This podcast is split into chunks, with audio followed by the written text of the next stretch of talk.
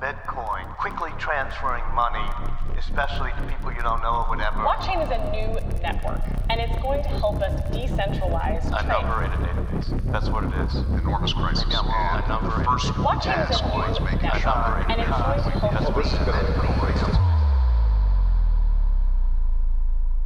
Du lytter til Kryptopia, en podcast om kryptovaluta. Hej. Du har tændt for endnu et afsnit af Kryptopia. Jeg hedder Michael Nielsen Søberg. Jeg er din vært. Med mig i dag har jeg to medværter. Karina Rudhoff Brix, Peter Gallardi Mikkelsen. Og vi har en gæst med i studiet i dag, som er Morten Røngaard, a.k.a. Fat Viking. Tak fordi du vil være med, Morten. Og tak fordi I vil være med, mine medværter. Jamen, uh, tusind tak for invitationen. Vi kan godt at være tilbage igen her øh, 13 måneder efter sidste besøg, så det er jo næsten, næsten på datoen jo faktisk. Ja, det er lige før. Jeg sad også lige og så vores øh, afsnit igennem, inden vi, øh, vi tændte op her.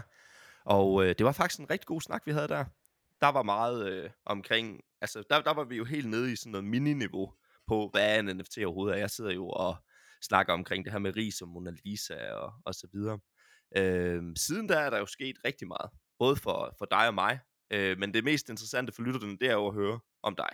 Så vil du ikke fortælle os lidt om, hvad, øh, hvad du har været igennem det sidste års tid? Jamen, øh, det var jo ikke fordi, vi kedede os for et, øh, for et års tid siden jo. Der havde vi godt gang i, øh, i forretningen, og der var virkelig kommet fart på den efter, øh, efter hele den her pandemi. Øh, og der kan man ligesom sige, at vi er trådt ud af den, jeg vil sige, sige øh, hele den der boble siden da, øh, og vi har fået næsten endnu mere, vi har faktisk fået endnu mere travlt. Øh, der er selvfølgelig masser af vores øh, projekter, som vi stille og roligt har lanceret og kommet videre med. Øh, blandt andet har vi selvfølgelig vores Dr. Who-spil, som nu kommer ud her i oktober måned, øh, som, som er længe ventet, øh, og det glæder vi os sindssygt meget til, som vi virkelig har fået skaleret op med, med folk. Altså vi er jo vækstet til 70 fuldtidsansatte nu her, og vi har Ja. cirka 30 øh, freelance og deltidsansatte. Øh, Ja. Og vi har stadigvæk 25 åbne roller, så, så altså, vi, er jo, vi er jo vækstet sindssygt meget på de her øh, 13 måneder her, og det har, Mm. det, har, det har også medført en masse andre gode ting, øh, og også en masse andre udfordringer undervejs. Men, øh, men sådan rent projektmæssigt, så har vi fået virkelig fået nogle super fede projekter ind øh, siden da. Vi har, jeg kan ikke huske engang, om vi, om vi snakkede omkring Tutu øh, tilbage i den tid faktisk. Jo, men, øh, Det snakker vi om, ja. Ja, men dem, dem har vi fået godt gang i. De kommer ud her i, i oktober, øh, også med vores platform, hvor vi, hvor vi lige pludselig går ud og targeter de her 135.000 øh, tatovører, som, som, øh, som gerne vil ind i det her Web3 og Metaverse her. Øh, og der er, vi, der er vi i gang med at færdiggøre en, øh, en aftale med Ready Player Me, som er et avatar-system, hvor vi kommer til at blive øh, den her preferred øh, tattoo-partner øh, på alle de her øh, avatars inde i, øh, i metaverset. Så det bliver mega fedt, at man kan få den her fysiske tatovering, eller du kan vælge at få din tatovering øh, fra, fra kendte kunstnere øh, direkte på din avatar. Men, men det, der er endnu federe ved den, det er, at vi går kan man sige, et spadestik dybere ned og laver øh, digital identitet via tatoveringer. Og det er sådan... Øh, Ja. Ja. det bliver, nu, bliver det rigtig, nu bliver det rigtig nørdet, men, øh, men det er en anden måde level, at kan opdage på. Ja, det er, det er Ja. fordi det er, en, det er en anden måde at kunne opdage på, om det er en falsk tatovering, eller om det er en rigtig tatovering, og det samme kan jeg faktisk kopiere over på tøj, det vil så sige, at jeg kan se, om du render rundt i en falsk Gucci digital t-shirt inde i Metaverse, eller om det er en rigtig en. Øhm, så, så det er, det er et helt unikt projekt, som vi er, vi er i gang med, og det kører rigtig godt med, øh, med øh, Immortal, og så med, øh, med Tatudo, som er involveret i den Ja. her. Og så, Og, øh, øh, jeg har jo, så har vi jo undskyld. Sorry, bare Nå, ja. Nej, men, yes, og så har vi bare- selvfølgelig... Øh, hvad vil du sige, Michael? Sig det. ja, nu, Jeg ved, nu tager jeg sgu... Nu, ja, jeg vil bare sige, at jeg har nemlig set de klip, eller de billeder, du har vist af Dr. Who øh, på Facebook. Og det ser mega fedt ud. Og jeg vil egentlig bare lige høre, Ja. om du kunne fortælle os lidt mere om, hvad, hvad spillet kommer til at gå ud på, og, og hvordan man kommer til at spille det. Ja, altså det er, jeg vil så sige, et mix øh, mellem uh, Magic the Gathering og Hearthstone. Altså det er den inspiration, det er trading card game, som vi, øh, vi går ind og laver, selvfølgelig som er på en, en, en lore story, det vil så sige en original IP fra BBC af, øh, og, og, og det har fået en fået den deal tilbage dengang der, det var jo fantastisk jo. Øh, og er det stadigvæk, og det har så også, øh, det har så også udviklet sig endnu mere, men det skal jeg nok komme ind på lige om lidt. Øh, men, men det der er, det er et traditionelt uh, trading card game, hvor vi har mintet lige nu her omkring uh, lidt over en million kort. Øh, og vi har haft vores marketplace åben nu i hvad, fem måneder, og vi har tradet omkring 800.000 dollars i værdi i, i, i cards, øh, eller i kort, som er blevet traded derinde. Øh, og det, der er det mest unikke ved det, det er, at vores NFT'er i det her, på den her måde her, er ikke nogen, hvor vi ser det som et board ape, hvor det er 300.000 per kort og sådan nogle ting, eller per NFT. Her der ja. er det kort, der bliver traded fra 50 cent op til et par hundrede dollars nogle gange, som det er. Så, så det, er, det er over 60.000 trades, vi har lavet på de her par måneder her, øh, bare på vores interne marketplace. Og det er vi øh, selvfølgelig enormt stolte over. Og det har så mm. også udviklet sig. Vi har fået, et, vi har fået et klasseteam ind øh, i forhold til at, at arbejde på det her spil her. Så den kvalitet, der kommer ud, er helt fantastisk. Det må jeg bare sige. Jeg var rigtig glad for vores kvalitet før, jeg var faktisk rigtig stolt af den. Og så kan jeg bare se, når du virkelig bringer folk ind, som har styr på deres, øh, nu må man ikke blande her, men, men styr på deres ting, så, øh, så, så sker der noget. Altså det er en helt anden kvalitet, vi får, og det har bare været, det, og jeg glæder mig sindssygt meget til at få det her øh, ja. skubbet ud over rampen. Og jeg tror stadigvæk på, at Dr. Who her bliver det første blockchain game, vi ser, som virkelig får den her mass adoption, øh, som vi alle sammen har efterspurgt på, fordi de har en kæmpe øh, following base, simpelthen bare en fanbase er kæmpestor. Øh, BBC Studios øh, investerer også rigtig meget lige nu her i deres nye serie.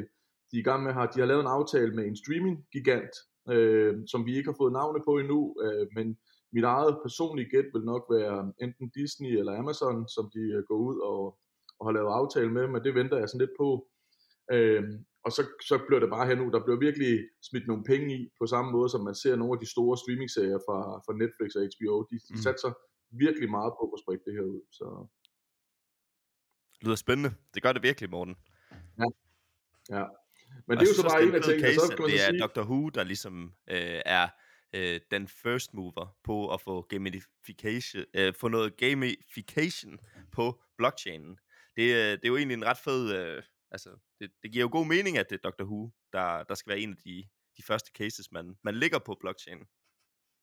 Jo, men det er jo en unik law story, som er bagved. Det er det, der er så dejligt ved det, ikke? fordi ja. der, vi kan gå i dybden med karaktererne, og vi kan også give, jeg vil så sige, endnu mere value til de her NFT'er, fordi at vi kan tage law storyen med ind og bygge ind i den her utility.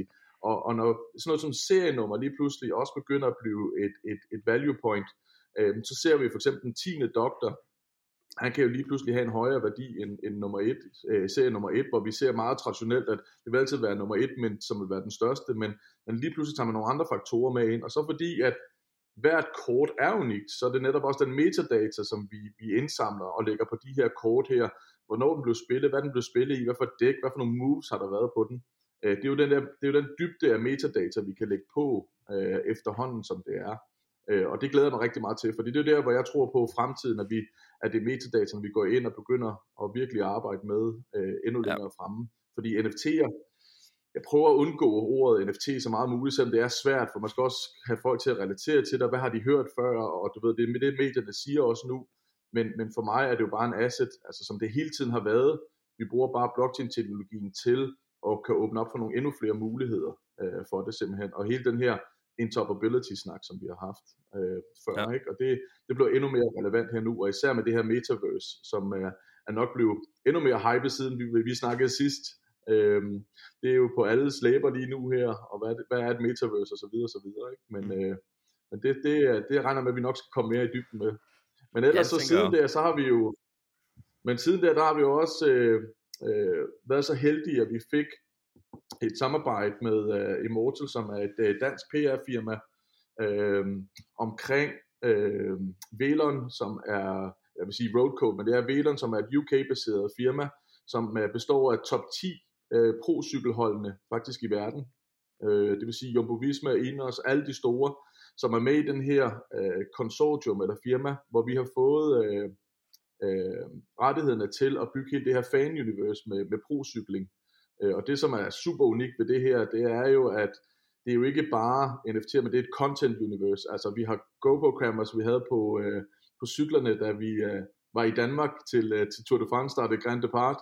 Øh, og, øh, og og vi får adgang til, til holdene bagved, og vi har biometrisk data fra de her øh, cykelhold her, som kommer ind på blockchain, og som vi så kan arbejde med i et fantasy game, hvor du kan sidde hjemme i stuen og, og tænde for dit tv og connect din wallet til, øh, til fjernsynet, og så kan du hoppe på din øh, cykel derhjemme, og så kan du kæmpe mod øh, hvad hedder noget, Jonas Vingegaard på sidelinjen der som en, en avatar i forhold til hans biometriske data, og så kan du se selv, hvordan du klarer FDS og så videre øh, i forhold til ham, og hvor hurtigt han cykler fra dig.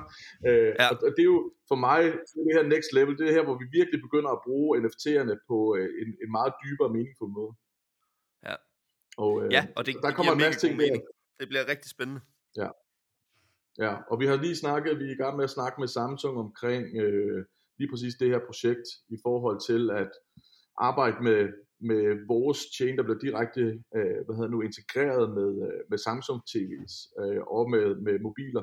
Det vil så sige, at vi kan, vi kan netop arbejde med det her, som jeg kalder sådan en Netflix approach, hvor du har nogle forskellige brugere, så kan du have din egen bruger, når du connecter din wallet til dit fjernsyn, øh, og så læser den de NFT'er øh, eller tokens, du har i din øh, wallet, og så kan du få adgang til nogle af de her forskellige ting, eller du bare connecter den og får adgang til det her univers, og kan vælge, hvad for nogle baner, du gerne vil cykle, eller hvad for noget unikt indhold vil du gerne se. Øh, som, det kan være det nyeste interview, som aldrig er kommet ud, kan man så sige, til, øh, til, øh, til, til publikum i bund og grund, eller til brugerne. Og øh, så får du lige pludselig adgang til det. Så det er der, hvor jeg synes, Web3 begynder nu her, virkelig begynder at arbejde med noget af det. Og det er også nogle af de store brands, vi arbejder med. Fordi det er vores specialitet. Det er de her AAA brands, øh, hvor vi tager dem fra Web 2 ind til Web 3. Simpelthen fordi de ikke aner, hvordan det er, at de skal, øh, øh, om, kan man så sige, øh, gribe det her an. Altså de ved, at de skal have en strategi omkring det, fordi det, det har vi selvfølgelig også øh, arbejdet med dem de sidste fem år og sagt, at vi bliver nødt til at tage det her seriøst, og, og der er folk anede jo ikke, hvad det var, vi snakker om i starten, men lige pludselig kunne de godt se, at øh, det her bliver vi nødt til at tage seriøst, vi bliver nødt til at have en eller anden form for strategi, øh, og det er jo selvfølgelig første spadestik. Ja, og sidst vi snakkede sammen, der snakkede vi også noget omkring det her med, at øh, det var faktisk dig, Karina, jeg refererede til der, inden jeg overhovedet havde øh, dig inde i studiet. Men øh, der ja. øh, refererede jeg til en artikel, du har lavet i Børsen, hvor du snakkede om, at at NFT-spacet er så billigt at komme ind i lige nu, at det næsten er, er dumt at lade være. Fordi der er simpelthen så meget mere value, man kan give sine kunder, og det var så der, vi kom over i de her øh, bruger adfærdsdefinerende tokens og og så videre. Øh, men, men sådan for lige at trække den tilbage til det måske, og, og mere sådan i forhold til virksomheder, der gerne vil ind i asset-verden. Nu skal jeg nok prøve at huske at sige asset i stedet for NFT'er, men, men folk, som, Nej, som gerne vil ind... men folk, som... Øh, oplever du en større efterspørgsel for at komme i gang med det her fra virksomheder? Fordi jeg snakkede med Peter om det, og Karina også øh, her for en uges tid siden, hvor jeg sagde, at det virker som om, set 100% udefra, at der er rigtig mange virksomheder, som rent faktisk begynder at øh, lave de her ting, men de går bare meget stille med dørene om det, fordi det må godt være sådan et element of surprise. Er det også sådan, du, du oplever det? Jamen, der er ingen tvivl om, at de, alle firmaer kigger på det her, fordi de ved, at de skal tage det seriøst. Altså, du ved, vi så nogle af de store firmaer i Web 1, som bare sagde, ja, du ved, bare Yahoo, tag det som Yahoo som et godt eksempel, ikke? Alt det her, det bliver noget Web 2, det tror vi ikke på internet. Du ved, glem alt det der fis der, og lige pludselig så mistede de jo fuldstændig hele den der sociale mediestrategi der, den, øh, den glemte de jo alt om, og det gjorde bare, at de kollapsede som virksomhed jo. Og jeg tror, det er noget af den, den historik, som ligger lidt i baghovedet på mange af de her firmaer her, som siger, okay, vi skal ikke misse ud på det her, vi bliver nødt til at tage det seriøst, vi bliver nødt til at kigge ind i det, Øh, og jeg tror, at grunden til, at de går stille med dørene, det er ikke fordi, det skal være element of surprise overhovedet. Jeg tror simpelthen bare, fordi det er så nyt for dem, øh, og de, øh, de bliver nødt til at gøre det stille og roligt. De bliver nødt til at gøre deres erfaringer, de bliver nødt til at gøre deres tab og så videre, og deres, øh, og deres wins. Men, men øh, hvad jeg ser, det der er ingen tvivl om overhovedet, det er, at de tager det stille og roligt, fordi de ved, at de skal have en strategi, fordi ellers så afvikler de stille og roligt sig selv, fordi den digitale økonomi, den er flyttet, den er ved at flytte fra Web 2 ind i Web 3. Øhm, og hvis du ikke har, og hvis du ikke omfavner det her med, med hvad jeg kalder en Web 3-strategi, øh, så mister du simpelthen dit, øh, din bruger. Altså, de er væk på et tidspunkt, hvor du slet ikke når at opdage det, fordi at det går så stærkt ind i det her. Og, og selvom vi arbejder med det her til dagligt, altså jeg er stadigvæk overrasket over, hvor hurtigt den her udvikling går. Altså det, det er selv os, altså vi har svært ved nogle gange at næsten nå at følge med, fordi det virkelig rykker. Altså det går sindssygt stærkt. Men, men for at tage, for at understrege nogle af de virksomheder, som går ind i det her, tager det seriøst, Øh, ITV har vi jo lavet, som er den anden største øh, tv-kanal her, eller tv-udbyder i, øh, i UK, har vi lavet en aftale ja. med. Så vi har både BBC Studios, og vi har ITV, og ITV har vi lige lavet et launch party med i går med, med Thunderbird, som er en gammel sci-fi-serie fra 60'erne også, som, hvor de sagde, vi vil rigtig gerne prøve at bruge det som et eksempel. Det er lidt sådan en, en, en, en død IP for os. Øh, vi ved, der er en kæmpe fanbase bagved, men kan vi prøve at bringe det ind i Web3? Øh, og det har vi selvfølgelig lavet, hjulpet dem med at lave en hel øh, strategi omkring. Vi har hjulpet dem med at tage dem øh, alt lige fra game og planlægning og udvikling af NFT'erne, og hvordan får vi et community op at stå igen, og hvordan får vi lavet den her bro ind til den nye generation, som synes, mm. det her det er meget fedt, fordi det, der er det allervigtigste i det her space lige nu her, det er, at der kommer etablerede brands ind, fordi der har været for mange scams, der har været for mange uh, rock pools i hele det her NFT-space mm. uh, her på det seneste. Uh, og jeg ser, især fra community side af, det er der, hvor fokus er. Hvad er det for et team, der bagved? Har de reelle use cases? Har de gjort det her før? Har de erfaring med det? Og er det et ordentligt brand, der står bagved? Det er, det er sindssygt vigtigt. Og BBC, øh, og det, det kommer vi til at, at, at øh, annoncere i næste måned, men vi er lige blevet udpeget af BBC til at tage alle deres uh, brands fra BBC Studios ind i Web3. Øh, og det er den første første gang nogensinde, at BBC, altså BBC Studios er ellers et traditionelt konservativt øh, ja. firma, men, ja. men, men det at de tager det her, det viser også, hvor seriøst de er, øh, og vi kommer til at lave et joint venture med dem, og vi er det første firma nogensinde, de laver et joint venture med, så det, det understreger lidt, hvor seriøst de tager det her, synes jeg. Wow, det er sat med noget af en rejse, du på lige nu, var. Ja, ja, men man skal også knive sig selv i armen en gang med dem, det vil jeg så sige. Ja. Men, øh, men det, går, det går fantastisk godt, og, øh, og jeg er glad for, at man skal sige, den satsning, jeg tog tilbage dengang, og den har båret frugt. Det kunne lige så godt være gået galt, jo, det ved man. Det er jo lige så meget held også. Øh, nogle gange skal man også, øh, heldet skal følge de tossede en gang imellem. Øh, ja. men, det, men det er vedholdenhed, og det er blevet ved med at tro på det, og jeg har hele tiden sagt, at jeg tror på, at masseadoption sker igennem gaming in, til en vis grad. Øh, fordi ellers den hurtigste vej ville være igennem skolen, men, men der ved vi jo hurtigt selv, at det kan hurtigt blive blokeret af mange andre steder. Men, øh, men for mig der har det altid været gaming øh, som den hurtigste vej et eller andet sted, og der kan vi stadigvæk se, at vores, vores den her øh, gaming DNA spiller stadigvæk en stor del i, i forhold til utility, og hvordan vi får bygget det her progression ind, og, og loyalitet og så videre. Og sådan noget. Så, så det, jeg tror, det er en af vores, en af vores øh, grunde til vores succes også, at vi stadigvæk tænker som gamer lidt. Ja, fedt. Og øh, det lyder virkelig spændende, Morten, og jeg, jeg glæder mig rigtig meget til at, at følge med på rejsen, øh, som, som du er på på sidelinjen. Fordi jeg så jo også her for ja. et, øh, en, jeg tror det er ved at være et halvt års tid siden, at, øh, at dit firma jo opnåede en valuation på en milliard pund, og nu må du jo rette mig, hvis, hvis det er forkert. Ja, men det gjorde vi. Vores, øh, vi, var, vi har jo planlagt vores B-runde nu her, hvor vi er ude og rejse penge, øh, og så havde vi planlagt det hele, vores, vores lead investor har været ude og sætte en, øh, en pris på os. Vi var ude og skulle rejse 100 millioner dollars, og til en valuation på en milliard. Øh, og så skete Luna Crash, øh, hvor, hvor hele verden øh, gik fuldstændig rabundus, øh, på grund af, at der var nogen, der ikke havde styr på deres due diligence og deres øh, riskprofilering, så... Øh, så det, det påvirker selvfølgelig også os. Øh, og jeg vil så sige, vi var den valuation, der blev sat på os dengang også, øh, var lige så meget også, fordi vi hele tiden sammenlignede os selv med andre i markedet, altså vores store konkurrenter, som typisk var Animoca Brands, Dapper Labs, øh, Forte, øh, Immutable og nogle af dem, øh, og kigge på, hvad er det, de har været ude at rejse penge, øh, og hvad for nogle use cases har de, hvad har de af kunder, og det tog vi jo, det tog vores investor også med, det var ikke os, der gjorde det, men det var vores investor, der tog med i deres, øh, i deres kalkyle, øh, og sagde, mm. at det var endda måske, kigge på de andre, hvad de har rejst, var måske endda faktisk en, en under øh, de havde lavet på os.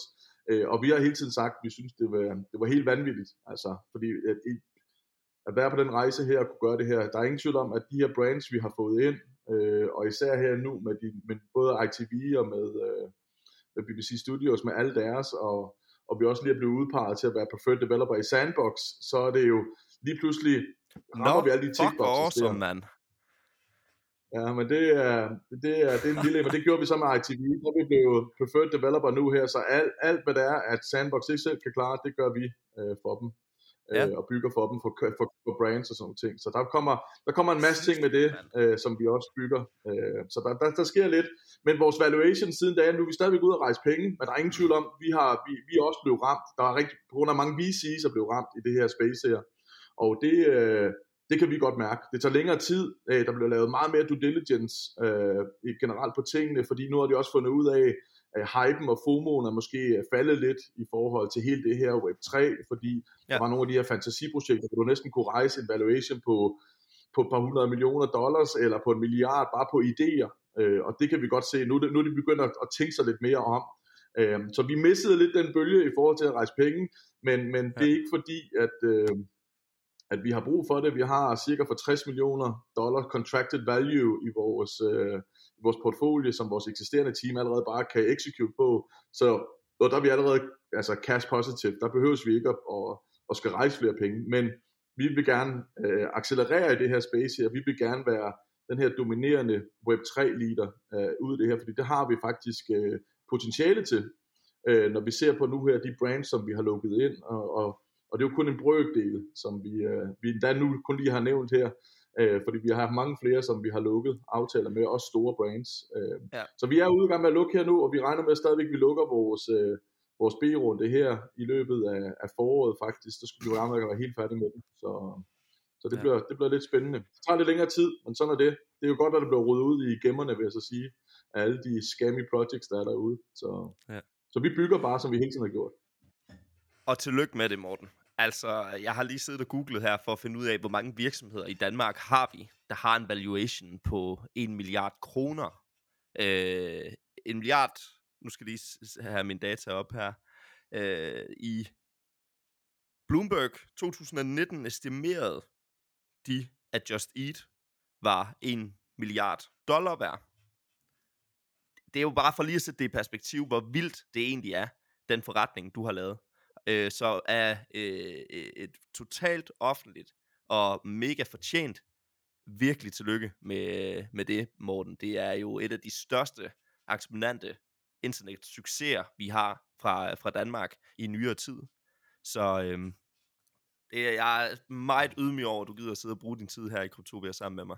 Og med de ord, Jamen, så Peter, så smider, vi, øh, så smider vi bolden ned til dig.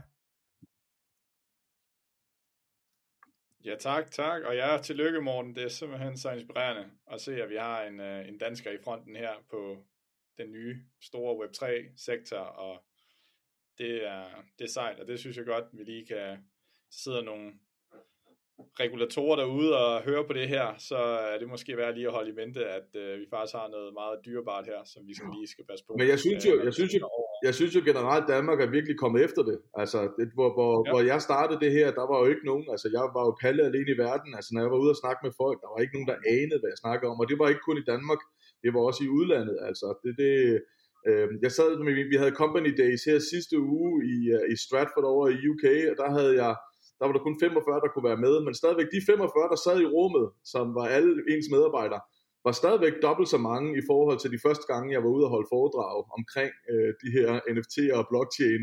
Så det var jo mærkeligt lige pludselig, at jeg kan se, hvor meget det eksploderede, og især på dansk grund synes jeg, at der virkelig er nogle virksomheder, som stadigvæk øh, øh, har været frontbæret på det her. Øh, der, der er stadigvæk nogen, som, som jeg synes, der fortjener endnu mere ros øh, i forhold til, fordi de var også de her early adopters og virkelig OG's i det her space her. Øh, og jeg synes, jeg synes, Danmark er kommet efter det, og der er stadigvæk også et stort shout-out, synes jeg, til, til hele det blockchain-team, der sidder faktisk inde i Finansministeriet. Der er nogle virkelig kloge hoveder omkring det regulative, som, øh, som, som jeg ved, vi også bruger og bouncer af og på.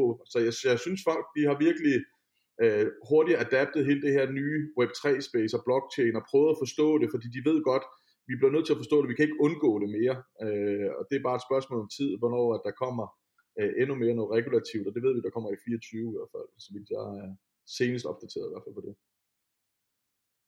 Stærkt.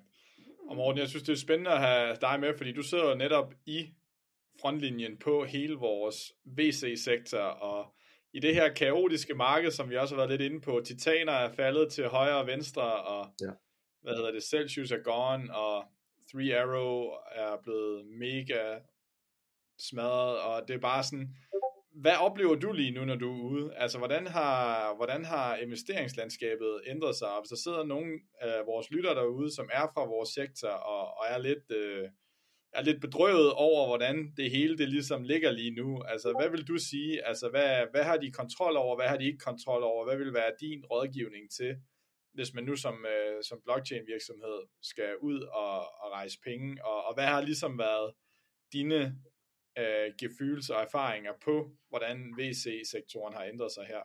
Ja, ja men der er ingen tvivl om, at helt Free Arrow der var jo skyld i, at at der var rigtig mange store tier ones, vil jeg sige, som virkelig knækker, og rigtig mange store, som kaldte sig, du ved, vi kan kalde dem CFI, DeFi øh, projekter, som lige pludselig crashede.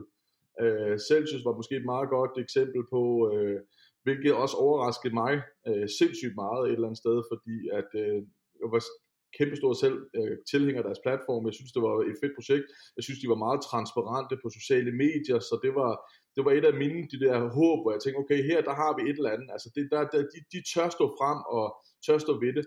Men, men selvfølgelig, øh, den overgearing og den der jagt på konstant yield, som, øh, som skulle gives i den her interest hver uge, så compounding og så videre, øh, det har også gjort, tror jeg, på, at fordi der kom flere og flere aktører på markedet, som kæmpede om næsten de samme kunder, hvem kunne blive højere øh, procenter på de forskellige ting, har også gjort den, den, øh, den risk profile, øh, skulle de måske have lavet noget mere ved, synes jeg i hvert fald sindssygt, fordi at de har jo de har jo lånt penge, og, og Free Arrow har jo også lånt penge videre. Vi ved jo, Voyager Digital var også en af de store giganter, som, som virkelig var på move øh, fra USA, og en af giganter, som jeg tror, de, de onboardede 20-30.000 nye kunder hver eneste dag øh, med, med accounts, øh, og skulle være den store udfordrer til Crypto.com.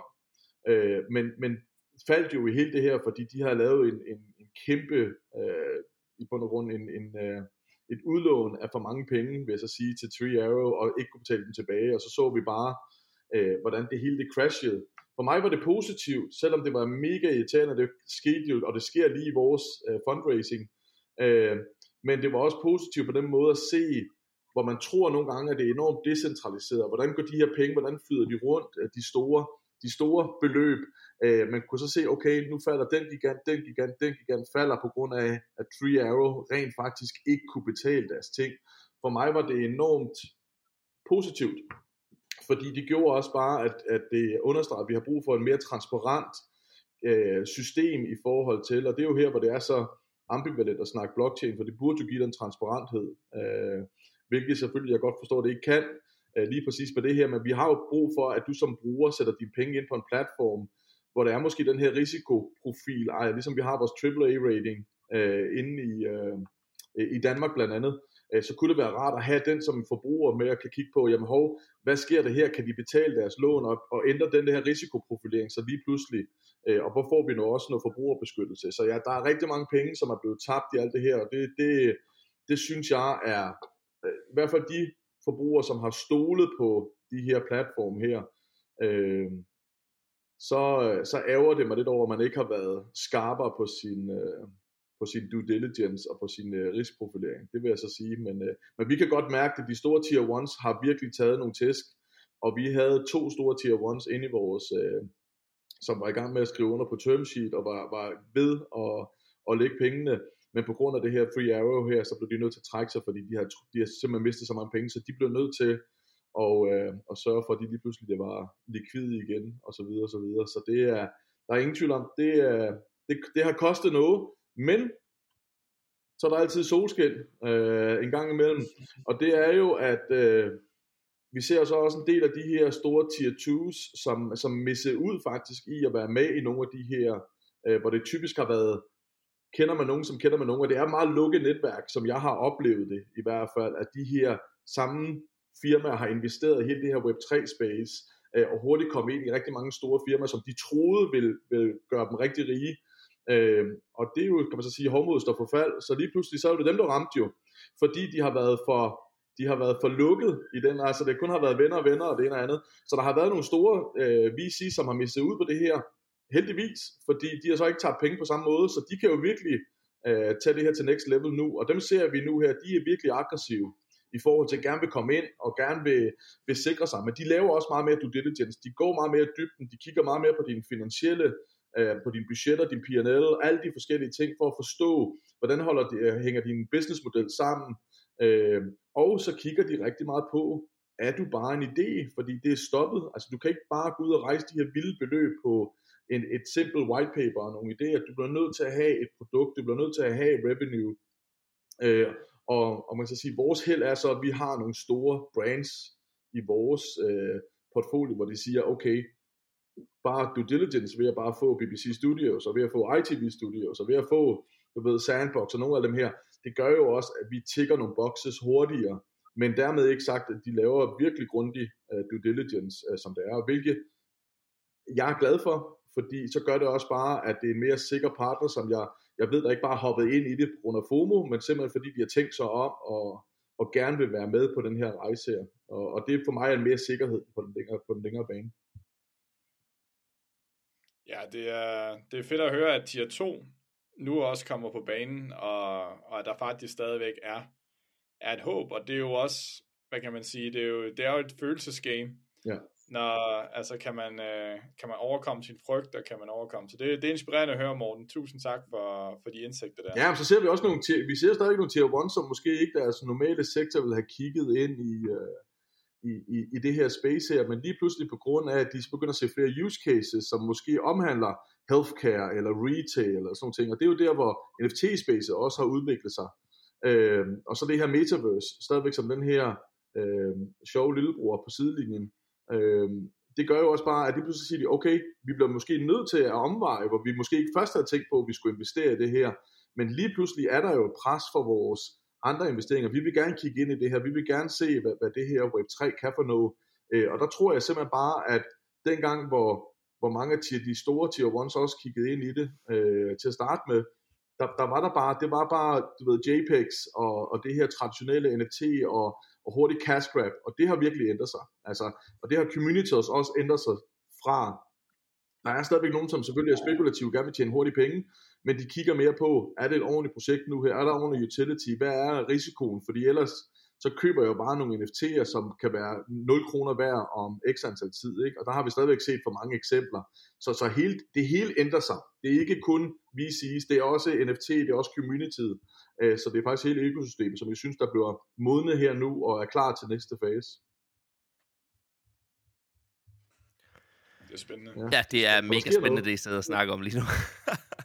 Hvad med dig, Karina? Det Jeg ved, du også øh, rigtig gerne vil, øh, vil ind på banen her. Jeg sidder her og tripper for at få lov Ja. til at, at komme på banen. Jamen, jeg kunne faktisk bare godt lige tænke mig en, øh, en sidste spørgsmål omkring uh, det her med VC's. Altså oplever du også, jeg hører ude i Space, det her med at fokus er gået fra, du ved, vækst, vækst, vækst scenarier til mere over i lønsomhedsscenarier? Altså, jeg oplever det fuldstændig modsatte. Jeg oplever det helt modsatte. Okay, De, de Jeg, VC's, jeg, jeg skal lige bryde ind lynhurtigt her, fordi jeg tror lige, vi skal have defineret, hvad kan et lønsomhedsscenarie være? altså når det er lønsomt, altså sådan, så man kan se, at, øh, altså, at forretningen er lønsom i sig selv, også på, På den korte bane. Så det er ikke bare noget med, at man investerer på at hente den store, kan man sige, forretning senere. Jeg tror, det kommer meget an på, jeg tror, det kommer meget an på produktet, og meget an på, på virksomheden, Karina, i det her tilfælde her. Jeg vil sige, for vores, for vores synspunkt, og de samtaler, vi har haft, der er de VC's, vi snakker med, er udmærket godt klar over, at det vi bygger et BBC Studio, for eksempel ind i Metaverse, og ITV, og nogle af de andre, som jeg gerne vil snart nævne, men, men, øh, men, men når vi begynder at bygge dem ind, så ved de udmærket godt, at vi laver ikke, vi laver ikke revenue for dag 1 af, fordi at vi har også ændret, jeg vil så sige, der hvor, hvor NFT-space også har ændret sig, det er jo det der med, at du hurtigt bare kan pre-sale noget, og så får du adgang til noget. Nu, nu tror jeg mere, at vi tager den her langsomme vej, hvor det er måske lidt governance-agtigt først, hvor du får adgang til noget, og du skal vise noget, og du er aktiv, og du kan få lov til at stemme på noget, så vi fokuserer mere på den her fan engagement, eller user engagement til at starte med, og så kan du begynde at monetize og, og lave noget. Så mine VC's, de siger tværtimod det modsatte. Vi fokuserer mere på, at du vækster, 100%. Vi er ligeglade med, om du tjener penge. Vi vil bare gerne have, at du vækster. Fordi det er det, det handler om. Fordi de ved udmærket godt, at med NFT'er, med royalties, øh, så er, som jeg kalder det, mit, mit, mit, mit spindelvæv ud over verden i forhold til alle mulige forskellige NFT-projekter. Hvor hver gang de her bliver traded, så tjener vi øh, x antal procenter tilbage i royalties. Øh, det er jo der, hvor det bliver rigtig interessant. Så begynder man at lave den her businessmodel, og begynder at kigge på den her recurring revenue, bare på en 5-10-15-årig, fordi livscyklusen lige pludselig begynder, at den bliver meget længere på en bruger, jamen begynder du at kigge på recurring revenue, og bare estimere, at de bliver traded to-tre gange om året, den bliver vanvittig. Altså, dit, dit, dit, mm. dit Excel-ark allerede der går amok jo. Altså, fordi man bare tænker, det her, altså jeg er enormt pessimistisk, det kan ikke være rigtigt. Men, men jeg estimerer bare på Dr. Who alene, at vi omkring har, inden for fem år har 100 millioner kort derude. Øh, og selvom de bare 100 millioner kort bliver traded, bare til 50 cent tre gange om året, og vi får, øh, lad os sige 5% af det, jamen så er det altså lige pludselig nogle summer, som er helt Holy vanvittige. shit, altså. man. Ja, ja. Og, det, og det er jo bare, det er bare, på, det er bare på traden, så kan vi begynde at snakke, så kan vi begynde at snakke på first, kan du, den her first mover, kan, kan man begynde at kombinere det, kan du så begynde at lave user acquisition på de her 100 millioner kort og sige, for resten, nu kan du også bruge det over det her spil her, og vi giver dig måske lige et eller andet, så, øh, for at du kommer over i spillet, eller kombinere det, og nu de her 100 millioner kort, nu kan du få adgang til BBC Studios, der er 100 pladser, øh, first serve, og så kan du købe det her, øh, eller få adgang til det. Der, der er, monetization er helt vanvittigt, men for mig, der er det 100% langsigtet. Altså, jeg skal bare Okay. have de her, jeg skal have infrastruktur, jeg skal sørge for, at vi har nogle store universer derude, som begynder at arbejde med det her, hvor det er, at brugerne kan bruge dem på tværs af alle mulige ting, om det er på dit fjernsyn derhjemme, om det er på dit tv, om det er, at de kunne gå ned i den lokale butik og betale, eller hvad de nu kan gøre. Jeg er fuldstændig ligeglad, fordi jeg kigger kun på langsigtet, øh, og det gør øh, de VC's også, som vi snakker med. Men så for lige at tage det over i virksomheder, altså sådan, fordi nu snakker vi jo om, vi ved jo alle sammen, at metaverser og gaming er en kæmpe industri, men ser vi også nu her, at alle faktisk burde genopleve deres maskotter? Altså ser vi, at øh, Fætter BR og Irma Pigen og alt sådan noget i virkeligheden har et helt nyt liv inde i de her metaverser for overhovedet at kunne overleve? Altså skal man som virksomhed i virkeligheden tænke, tænke gamingindustrien og maskotter til et helt nyt niveau? For at være med i fremtiden. Uh, det synes jeg. Jeg synes stadigvæk, der er det her, altså det, det, det fysiske element er stadigvæk enormt vigtigt, synes jeg. Og nogle af de ting, som vi blandt andet har lavet, uh, et, et af vores første projekter, vi faktisk fik, det var Smighties, som er sådan nogle små, søde, digitale uh, bamser i bund og grund. Der har vi lavet et, et samarbejde med et firma, som laver fysiske bamser. Så dem producerer det her nu, de kommer ud her i oktober-november. Vi har en stor kampagne i Spanien og i Sydamerika, fordi de elsker hele det her øh, hvad kan man kalde det, merch øh, paradis her med de her søde ting her. Og de kommer ud i cirka 36.000, altså Walmart og alle mulige forskellige steder, hvor folk kan købe dem. Og når man så scanner QR-koden på øret, så får du den digitale udgave. For os, der er det to ting. Det er user acquisition, Øh, og så den anden del, det er, at vi stille og roligt bygger relationen op til den næste generation. Ligesom vi har en, en relation til Fætter BR-maskotten, eller vi har en relation til Ninja Turtles, eller hvad det nu har været, øh, så handler det jo om, at vokser de op med den her, hvor, hvor den her karakter kan lære dem og uddanne dem lidt i det her univers, og pas nu på her, det her skal du gøre sådan. Så er det sådan her, den her, det er det her, hvor det her educational aspekt kommer ind, hvor jeg tror, at det er der, hvor man virkelig som brand skal kigge på, hvordan kan vi få bygget den her bro til næste generation, øh, som vi gerne vil bygge videre, for ellers er det jo massiv traditionel markedsføring, som det er, men de skal virkelig kigge på, på, på metaverset, hvordan kan vi bringe dem ind i et sikkert miljø, hvor de kan lære ting, øh, og hvor, hvor, hvor de kan lære omkring brandet også, altså. Øh, men de, de kan også bruge det som en måde at, øh, ligesom vi andre, vi har prøvet de der trafikspil og alle mulige andre, det kunne sagtens være fedt at BR i bund og grund, øh, lære dem i det univers, inde i et metaverse et eller andet sted, fordi så får de den her øh, indirekte relation til, til Fætter BR, samtidig med, at de lærte noget. Og jeg tror faktisk, det er det, som Lego øh, lige får at, at, at lige ramme den hurtigt, fordi det tror jeg faktisk er noget af det, som de virkelig har været fokuseret på, og det var også det, det kan man så sige, det pitch, jeg lavede til dem, det var, at vi skulle fokusere udelukkende på læring øh, hele tiden med, øh, med Lego, for det er det, de står for. Det er det her kreative, men det er læringsperspektivet også. Så, så det, der for mig, der er det 100%, det, det bliver man nødt til at tage seriøst, og det er også derfor, BBC og ITV går ind i nogle af de her. Vi har lavet med Artman også, og nu ved jeg ikke, hvor mange der kender Artman, men Artman er et gammelt studio også, øh, af højkvalitets. De har blandt andet øh, Walter and Gromit og Chicken Run og, og nogle af dem. Alle deres brands skal vi nu tage ind i, i det her Web3, og det er det her uh, educational aspekt, som vi laver til dem, hvor de skal, det er læringsmiljøer simpelthen. Hvordan kan de både have den her amusement park, ligesom du render ind i Disney World, uh, hvor de kan lære omkring de forskellige brands, og de kan blive ved med at bygge de her broer, men også hvordan kan vi bygge nogle spil og noget utility ind, hvor vi lærer dem noget. Øh, alt lige fra matematik til et eller andet, fordi det kan være escape rooms, vi kan lave inde i uh, metaverset, øh, hvor de skal mm. bruge matematik og samarbejde og kryds og tværs. Ja. Og det tror jeg bliver rigtig meget af de, de, de nymoderne læringsmiljøer, vi kommer til at se. Men man kan vel også sige, at du snakkede lidt om brainbeskyttelse, ikke sidst? Altså sådan, det smarte er jo i den fysiske verden, der kan du jo ikke se forskel på det. Altså om det er en kopi eller ej, og det vil du så kun derinde. Så man kan jo tage det altså, til det niveau, hvor at det kun er de brains, som er de rigtige, altså det rigtige Lego brain, det rigtige altså sådan educational, øh, hvad hedder det, miljø, og hvor man lader sine børn komme ind. Ja. Og altså, det... så i virkeligheden, så kan man øge, øge beskyttelsen omkring børnene igennem Web3.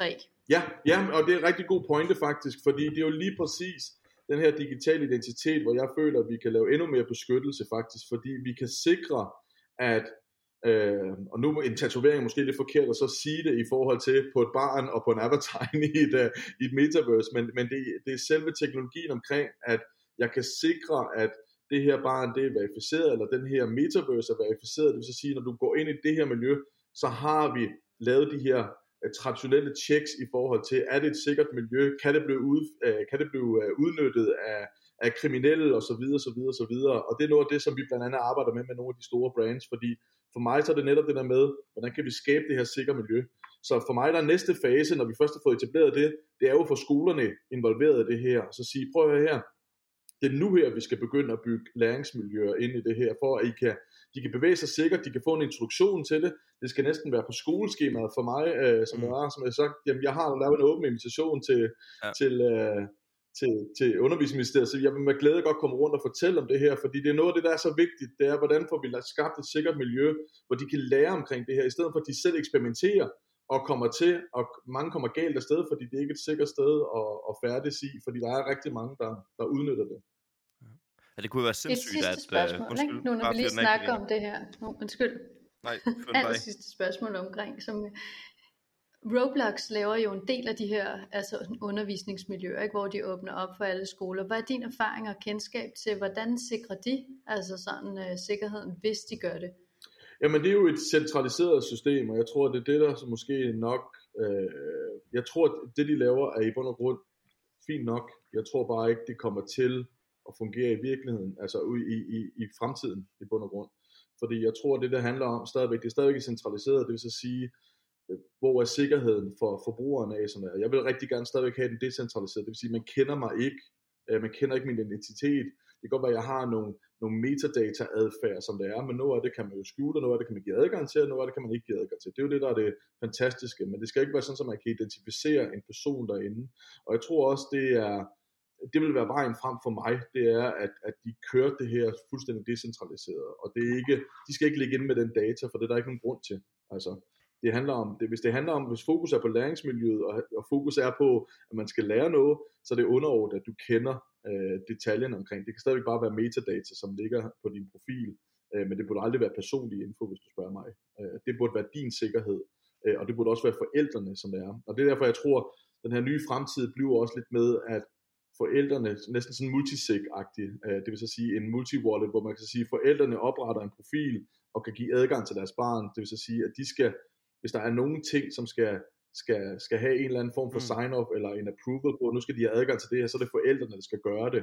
Øh, så, så jeg tror, vi kommer til at se nogle nye teknologier, hvor vi begynder at kigge lidt på noget af det her øh, i forhold til, øh, fordi de traditionelle synes jeg ikke virker helt optimalt. Det virker, det kan godt virke, men det er ikke det, der bliver fremtiden overhovedet. Øh, det er ikke sådan, som jeg ser det i hvert fald. Men det er, for mig vil det være det bedste, at de, øh, at de kiggede på den decentraliserede, for det kan stadigvæk godt være en større økonomi, end, end nogle gange man kigger på den her meget centraliserede og, og meget, øh, hvad kan man så sige, øh, snæversynet måde på sine ting. Og jeg ved godt, det er jo alt omkring, at man har et firma, og det er jo det, der man kalder, som man kalder in-game øh, economy eller monetization og sin egen businessmodel.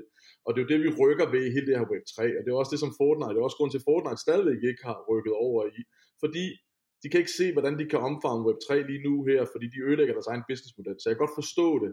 Men gå tilbage til, hvad vi startede med, det er den her digitale økonomi, den er ved at flytte sig fra Web 2 til Web 3, så på et tidspunkt, så vil deres brugere kræve det. Jamen hov, jeg, det er mig, der køber de her assets. Ja. det er min ejendom. Hvor- Hvordan kan det være, at jeg ikke har adgang til dem, hvis I lukker serverne, eller hvis I har maintenance, eller hvad I nu har? Det burde jo ikke Mm. overhovedet øh, komme an på det. Så Morten, øh, jeg, jeg er jo podcastens noob, ham der skal lære om, øh, om alt det her. Øh, og når du siger, at sådan nogen som Fortnite, de ikke tør gå ind i Web3, fordi det ødelægger deres forretningsmodel, så har jeg lidt svært ved at se, hvorfor det er, at, den, at deres forretningsmodel bliver ødelagt ved det. Kan du ikke lige prøve at sætte nogle flere ord på det? Jo, men det er jo typisk deres, øh, hele den måde, som deres øh, kan man sige, firma er bygget op på, også deres spil er bygget op på, hvordan monetiser ja. de ting, og så videre. Øh, Ja. Der hvor, og det kan godt være svært for et stort firma som dem, at lige pludselig integrere Web3 inde i deres spil. Så jeg kan godt forstå dem. Altså, det er ikke en nem proces. Altså, det er ikke noget, der bare, hvor folk sidder og siger, at det burde de bare gøre. Yes, altså, jeg vil også gerne sidde og sige, det burde de også bare gøre, for det burde de. Fordi det kan åbne op for endnu mere. Det, det er jo også en ny måde at lave, som jeg siger, user acquisition på. Du kan tiltrække nye spillere, og det der med, hvis du begynder at lave partnerskaber på tværs af verdener, og den her interoperability med at flytte en asset fra A fra Fortnite måske over i Counter-Strike eller et helt andet spil, det gør jo bare, at du bringer endnu mere værdi ind til den her asset her, hvis du spørger mig. Øh, Mm. Men jeg kan også godt forstå, at, at, at det ikke er nemt at integrere. Og derfor tror jeg på, at de modeller, vi kommer til at se, det er mere, at man, man i bund og grund spiller, kan man så sige, jeg, jeg, lad os nu sige, at jeg sætter et metaverse op, og jeg har en virtuel computerskærm foran mig, hvor jeg går ind i mit spilværelse, hvor jeg har alle mine fede NFT'er hængende på væggen og så videre, og nu sætter jeg mig for den her virtuelle computer, og tænder reelt min rigtige computer Fortnite ind i den her virtuelle computer. Det vil sige, at jeg spiller igennem mit værelse. På den måde kan vi jo så give øh, et point, fordi vi kan, vi kan jo tracke, at du spiller Fortnite igennem det her værelse her. Så på den måde, så kan vi godt lave nogle Web3-lignende, NFT-lignende rewards til de her store firmaer. Det er også det, vi er i gang med at snakke med dem om, omkring, hvordan kan de stadigvæk tabe ind i det her space, uden at ødelægge deres forretningsmodel. Øhm, og det er jo der, hvor jeg synes, ja. Det bliver lidt interessant. Så det er, en, det er en mellemvej, indtil de selv begynder at udvikle Web3, fordi de, de kommer ikke udenom det. Det er der ingen tvivl om. Nej. Så hvornår tror du, de, de vil begynde at udvikle på sådan noget? Jeg tror stille og roligt, når deres brugerbase dør, fordi at igen, det skifter over til Web3, mange af dem. Så det kan være, det kommer lidt an på spillet. Vi ser jo, jeg vil sige, sige generelt, ser vi måske en livscykel på, på, på 5-8 år på nogle virkelig gode spil et eller andet sted. Ikke? Ja. Og så er der jo mange af de gamle, øh, hvor man mister baner, man ikke har adgang til dem mere. Men der er jo stadig den her relation, som vi hele tiden har snakket om. Du husker Call of Duty, du husker de første Counter-Strike og alle de der. Ja. Så, så der jeg noget tror stadig, det tager lang tid. Der er, noget, der er masser af nostalgi i det, ikke også? Men, men der er også en kæmpe business case, og hvis der sidder nogen derude, øh, så vil jeg så sige, at det næste business case, de skulle tage fat i, det var, at de sætter en, øh, en DAO-fond op, hvor de rent faktisk køber øh, rettighederne til gamle baner, som ikke bliver brugt mere i spil, og så laver Web3 på dem. Det, øh, Mm. det er nok det bedste råd, jeg kan give lige nu. i hvert fald. Jeg har ikke tid til det, men jeg vil elske at gøre det. Øh, fordi det tror jeg, der er kæmpe potentiale i, og fordi der er en kæmpe fanskar, der sidder øh, og så siger, ved du hvad, det gamle Diablo, det vil jeg gerne have. Hvis du lige kan lave nogle assets, der kan flytte på tværs af alle de her spil her, øh, på Ja. ja. gamle baner, som du aldrig har, som, som du elsker, men bare ikke bliver brugt mere, fordi at de blev udfaset af firmaerne. Øh, det, vil, det vil jeg personligt elske i hvert fald. Det vil være en masse nostalgi, og vil være fedt at spille på nogle af de baner. Det er så fedt. Jeg, jeg sidder her og tænker på min, øh, min gamle mentor Nick, som øh, sagde tilbage til mig i, øh, i 2017, og kiggede han bare på mig sådan, sådan lidt, the whole world is gonna get tokenized. Ja. Og det er bare den profeti, vi nu ser, der bare er i fuld sving, og øh, det, er, det er så vildt. Selv Irma-pigen, hun får en over nakken Ja. snart, ikke? Altså, det er... Det er Det sgu meget Jo, men det bliver, det bliver fremtiden, det ved vi. jo. Altså, det, det gør det bare. Altså, det, det, er, det er en ny måde at bruge sit brand på, og også igen lave den her brug over til de nye generationer. Altså, det er, øh, de- bliver nødt til at tage det seriøst, og det er også derfor, vi ser så mange Ja. diskussioner her nu. Metaverse, er der et metaverse? Hvor er Facebook i alt det her? Og vi har Mm. virkelig set, at de har fået nogle test her på det, på det seneste. Ja. Øh, noget så, altså, det, det, som jeg har mest problemer med i forhold til det, det er, at lige nu her, så, øh, så prøver de at trademark det hele, så, så de, ligesom, fordi de har så mange penge, tvinger til, at de har ejerskabe eller trademark omkring Metaverse. Altså, det er faktisk der, hvor jeg har det største problem med alt det her. Jeg elsker, at han prøver at ændre sin virksomhed fra en Web 2 ind til noget af det her Web 3, men det er stadigvæk centraliseret. Det er ikke decentraliseret. Det er stadigvæk det, som man skal huske på. Øh, det, er, det er stadigvæk Facebook, der ejer dine data. Det er ikke Ja. ja. dig, der ejer dine data. Og det, det, det er stadigvæk det vigtigste, jeg er nødt til at sige.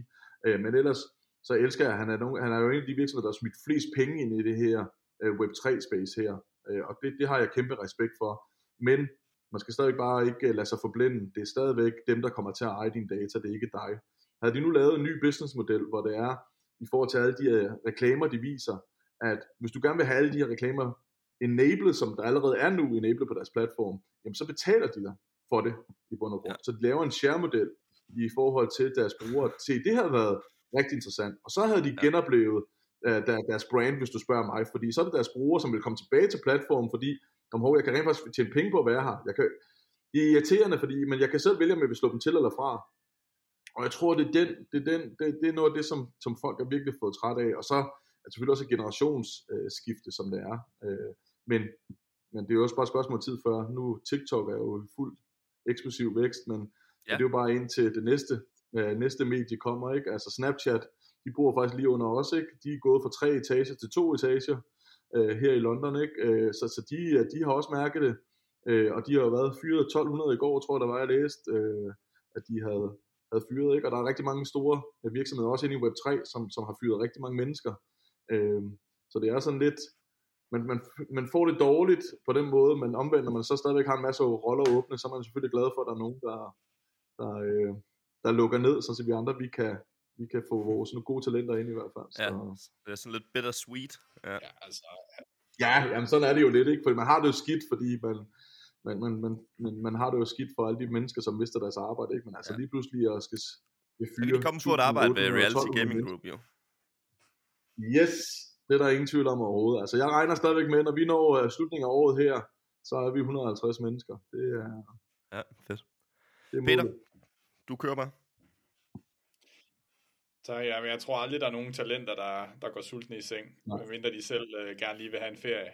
Um, så men, øh, men det er klart, at vi skal have fat i skolerne, fordi det er da en øh, gigantisk omstilling, og det er noget af det, der skræmmer mig meget, at det virker til, at, at mange af dem, der ligesom leder, at de, de ikke helt er klar over, hvad det egentlig er, der sker inde i tech, og, og hvor voldsomme udfordringer det egentlig giver til vores, vores samfund som helhed, ikke, i forhold til ikke, ikke øh, mindst etiske, etiske ting. Men, øh, og det er jo også spændende med Web3 at se, altså hvordan kommer det til at præge samfundet? Kommer vi bare til at have sådan en matrix, hvor alle bare sidder og lever af. Altså, det er noget af det, jeg siger nogle gange, når jeg er ude og, og tale med folk, i sådan, åh, er du i gang med Web3 og sådan noget, hvor det sådan, ja, jeg har brugt hele mit liv på at slippe ud af Matrix, og nu, øh, nu sidder jeg på penge for at bygge den, ikke? Altså, det, det er nærmest, det, øh, det kunne ikke være, være mere, mere ironisk, ikke? Men, så, men, men, det er, men, men det er jo et problem, Peter, i forhold til vores politikere, som, skal, som i bund og grund skulle, vil så sige, skal drive den her, du ved, nye innovative, den kreative, og du ved, hvordan omfavner vi, hvordan er vi hele tiden omstillingsparat som, som, som land, ikke også? Ja. Altså, der er, der er en politiker, som jeg er kommet frem til, som rent faktisk ved bare lidt omkring blockchain og Web3. Ja. En politiker ud af 179. Det, det, er, det, det er for mig det mest skræmmende at man ikke prøver at søge mere viden, øh, for også at kan hjælpe de virksomheder, så for at vi hele tiden er konkurrencedygtige, så, så vi ikke mister øh, både arbejdspladser, men vi også heller ikke mister gode virksomheder. Altså fordi de flygter til udlandet, både på grund af nogle gange noget, noget VC-approach eller kapital i forhold til, det er bare nemmere. Øh, og nu kan vi så begynde at hurtigt snakke mindset med USA-investorer og, og europæiske investorer, men, men, men de flygter jo. Altså de flygter simpelthen, fordi det er, at vi som land skræmmer dem væk. En ting er på grund af skatten, men jeg synes, det er ikke altid skatten, som skal have skylden på det her. Det er nogle gange også bare, at vi siger, at vi er et digitalt land, og uh, hvor er vi dygtige men, men at vi ikke, vi ikke omfavner det her, og, og er hurtige til at være omstillingsparate, som sådan et lille land her, hvor vi burde virkelig gribe de her muligheder, og være klar til at sige, det her, det skal vi være klar på at rykke, fordi vi kan få en konkurrencemæssig uh, fordel. Øhm, og det, det ærger mig stadigvæk. Altså det ærger mig, at vi ser store virksomheder flytte ud uh, af, af det her land, simpelthen på grund af, at, at vi har nogle sover i tiden. Det kunne vi have syv podcasts, ja, jeg ved det godt. bare... Ja, jeg, skal ikke, jeg skal slet ikke åbne op på det der, Peter, fordi jeg ved godt, det er... Men jeg synes, det er ærgerligt. Jeg synes, det er ærgerligt, at øh, jeg er glad for, at vi ser communityet af vokser her nu. Jeg er glad for, at vi ser virksomheder, som virkelig omfavner kommer ind i det. Men, men som alt andet, så er jeg også bekymret for, at bliver det her kvalt af administrativt øh, bøvl lige pludselig, fordi at, at man ser spøgelser, fordi at man, man, man begynder at overregulere det her, fordi man simpelthen ikke forstår det, og så vil man bare hellere kvæle det, end, end rent faktisk omfavne. Det kan jeg godt være bekymret for det er, det er mega fedt. Og jeg tænker sådan, for bare lige at prøve at lige øh, gribe fat i, øh, i den der, fordi nu sidder vi jo her med, med nogle mennesker, hvor vi er, vi er alle sammen super begejstrede for, nytænkning, vi er super begejstrede for, for tagsomhed og, og så videre. Der er måske også nogen derude, som sidder og tænker, at det her Web3 netop er, det lyder lidt skræmmende. Det lyder lidt skræmmende, vi er alle sammen på vej ind i, i en computerskærm, og, og det kan være, at det, det i virkeligheden er så spændende derinde, fordi at du er så dygtig, Morten, at at vi slet ikke har lyst til at, at komme ud igen og, øh, og, og hvad vil du, øh, hvad, hvad vil du sådan sige til det? Altså hvis der nu er nogen, der, der driller dig lidt og, og stiller det spørgsmål, altså kan du også se, at måske Web3 kan bruges til os og så komme ud i den virkelige verden igen? Altså hvordan kan der være en harmoni mellem både at komme ind i, ja. i den her fiktive verden, men så også øh, at kunne bruge den til, at vi rent faktisk også bliver stærkere mennesker i den fysiske verden? Jo, men der er ingen tvivl om, at, at en af mine største bekymringer og jeg arbejder selv med det, men en af mine største bekymringer, det er, at det der med, at man, man fader væk, væk i hele det her uh, digitale univers, fordi det er enormt, det er enormt attraktivt, og jeg kan godt forstå det, fordi du kan, altså, du kan blive, du kan blive helt fortabt i nogle af de her, uh, også sådan som udvikling er sket, også rent grafisk, og nu kan man lave det endnu mere fotorealistisk, og du kan skabe de her drømmeverdener her et eller andet sted, så jeg kan godt forstå, at folk, der, der vælger nogle gange den digitale verden for den fysiske verden, Øh, men, men det går stadig tilbage til, det er jo fordi, og, og sådan kan jeg også godt selv have det nogle gange, du ser ikke andet end krig og ødelæggelse og død i medier og du ved dommedagsprofetier og så videre. Så jeg kan simpelthen godt forstå, at folk de flygter ind i den her virtuelle verden, fordi der slipper de for at høre på alt det lort. Altså ærligt sagt, det, det, er, det, det er virkelig demotiverende nogle gange at åbne for enten avisen eller for fjernsynet, fordi du får ikke andet end at vide, at nu, du ved, nu er det global opvarmning, og du ved, det hele går under, og nu er der krig i Ukraine, og alt er forfærdeligt, det er slet ikke det, og vi skal også tage det super seriøst, men jeg kan godt forstå, at mange mennesker mister modet, fordi hvis du ikke har et, øh, et, et stærkt socialt netværk, eller bare i det hele taget er en stærk person, øh, du skal virkelig være en stærk person for at stå imod den der konstante negativitet, der bliver presset over på dig, øh, og vores unge mennesker, og nu har vi lige været igennem en pandemi, hvor folk har været lukket inde, øh, og vi bliver ved med at få den her negativitet. Jeg kan godt forstå, at vi har så store problemer øh, med, med, med, altså med psykisk sårbarhed for, for mennesker, unge som gamle, fordi du, altså, der er ikke noget positivt. Altså det er meget sjældent, der er noget positivt, fordi det der er ikke noget godt selv i, fordi at, at jeg synes, alle medierne generelt bliver, øh, bliver presset den her, du ved, negativitet. Det er det, der er vores fokus. Det er det, vi skal leve af. Nej, det er ikke det, vi skal leve af overhovedet. Øh, men, men det er bare sådan, medierne nu er blevet indhyldet ind i det her. Og for mig der er det bare, det er virkelig en forfærdelig rute at komme ind af. Så jeg kan godt forstå, at de flygter ind i det. Og hvad er det så, der skal få dem til? at Komme ud igen. Øh, det er jo også lidt det krav, som vi måske stiller lidt til os selv som, som producenter. Hvordan sikrer vi, at folk de ikke forbliver derinde? Øh, men der er stadigvæk en masse positive ting. Altså, jeg, jeg ser stadigvæk, øh, og jeg er stadig forundret over at se børn nede i 6, 7, 8, 9 års alderen, som sidder, om det så er i Roblox eller hvor det er henne, men kommunikerer på tværs af, af landegrænser med andre mennesker øh, og andre børn, og lige pludselig altså, er flydende i engelsk, altså, hvor jeg bare tænker, holy shit, og de er ikke engang begyndt at få undervisning i skolen endnu. Altså, så er det mere, at det os, der også har lidt et gammeldags system, skal vi begynde at kigge på nogle nye, igen tilbage til læringsmiljøer, øh, men, men hvordan kan vi gøre det på en sikker måde, men for mig der er det bare fantastisk, nogle af de der færdigheder, der også kan blive udviklet ind i det her, altså sociale færdigheder, jeg har set stadigvæk, øh, du ved, mennesker, som, som har været bange for at færdes i den virkelige verden, fordi de blev afstødt på grund af alt fra seksuel orientering til, øh, øh, til handicap og så videre. Men, men fordi de nu kan være i den her øh, fantasiverden lidt, øh, kan de også være, hvem de vil. De kan også have den avatar, det kan være deres drømmeavatar, deres hero, som vi bruger noget, de har lavet herinde. Øh, så de føler sig mere tryg, og de føler, at her bliver jeg accepteret for den person, jeg er. Men vi har stadigvæk et kæmpe ansvar for, hvordan kan vi stadigvæk få dem ud i den virkelige verden, og få bygget den tillid til andre mennesker. Og det, det, er jo, det er jo også som samfund, der har et generelt problem, hvis du spørger mig, øh, som vi skal fokusere mere på. Men det er et stort problem, men jeg kan godt forstå, at folk de svinder ind i det her, simpelthen fordi der er for meget negativitet, efter min mening. Altså, det er, det er kun negativitet. Jeg læser hver eneste gang, at du slår op på et eller andet, så er det bare, ved, møg og lavkage, det hele. Jeg ved ikke, om det besvarer det, Peter, i hvert fald, men det, det, sådan, jeg ser det i hvert fald, det, det, det er 100% sådan, jeg ser det. Jeg synes, der er for meget, altså, jeg, jeg synes, der, der er ikke nogen grund til, hvorfor skulle jeg rent faktisk komme tilbage? Altså, hvorfor skulle jeg komme tilbage til den virkelige verden, hvis det er det her, jeg kan forvente, frem for det her ende, hvor jeg kan udforske, jeg kan lære, jeg kan udvikle mig selv som menneske, Hvorfor er det så, jeg skal komme tilbage? Men, men det er vigtigt. Det, det, de må ikke forsvinde derind på. Men, men det er noget, vi bliver nødt til at tage meget seriøst i forhold til, fordi så får vi et problem med fremtidige generationer, og, og lidt som jeg kalder, øh, eller min kone kaldte det faktisk glaspladebørn.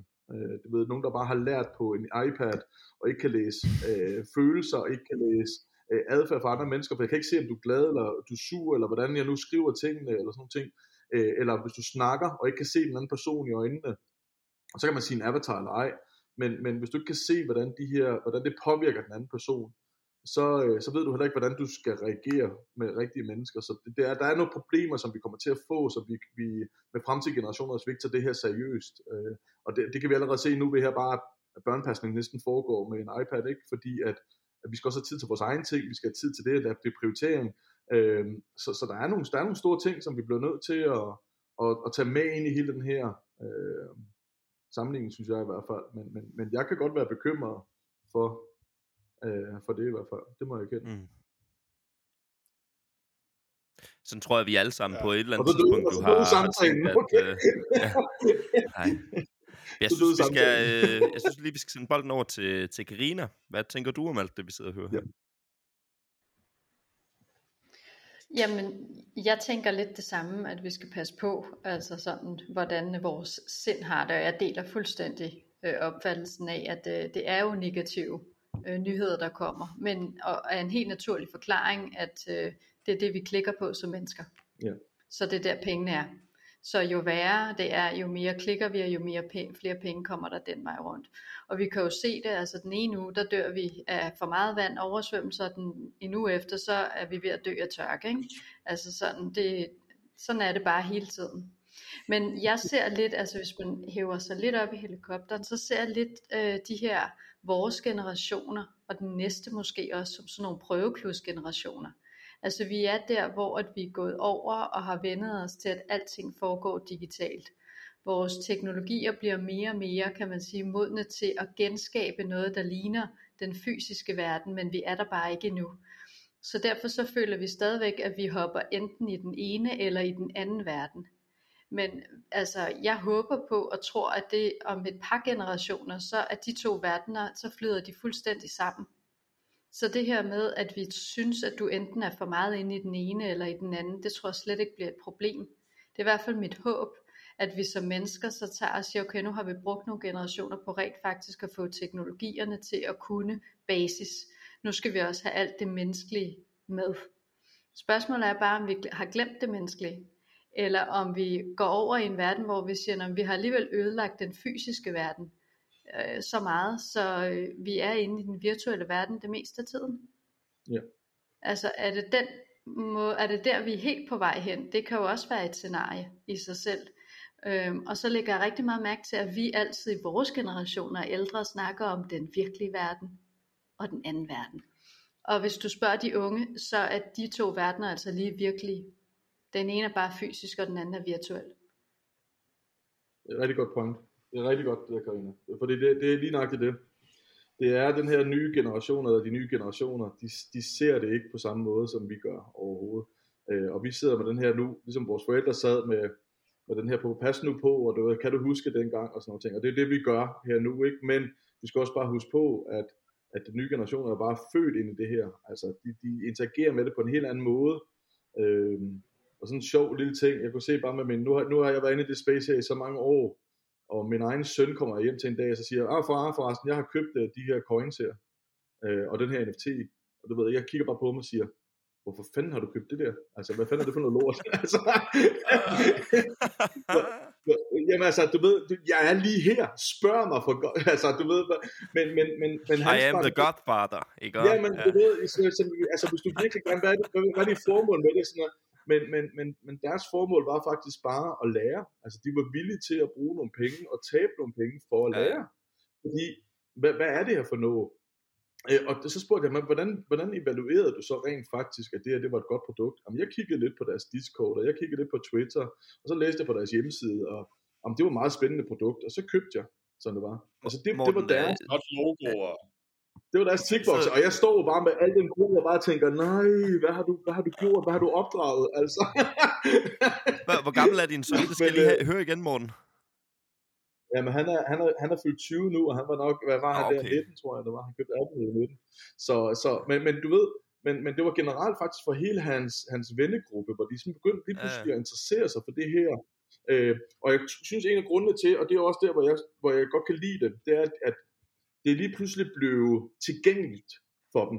Altså, en ting er nu her, nu er det krypto, men, men jeg tror på, og nu begynder vi at snakke sådan noget real estate, og hvad kommer det næste, man kan investere i. Men jeg tror, grunden til, at de lige præcis investerer i det her, det er jo også på grund af den hype, man har set, nu kan man tjene nogle hurtige penge.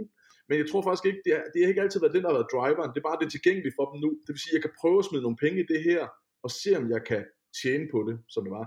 I stedet for, at du ved, traditionelt, du skal ned og tipse og odds for at måske lave et eller andet, så skal jeg have noget viden for at kende. Der skal jeg sætte for mig meget ind i det. Her der kan jeg bare gå ind og kigge lidt mere på, og så sige, okay, den her, den er gået lidt op og ned, så de skal lære på en anden måde. Altså for mig, så er det mere den her trading-del, de nu går ind i. Øh, men det er bare tilgængeligt, fordi det er bare via en telefon.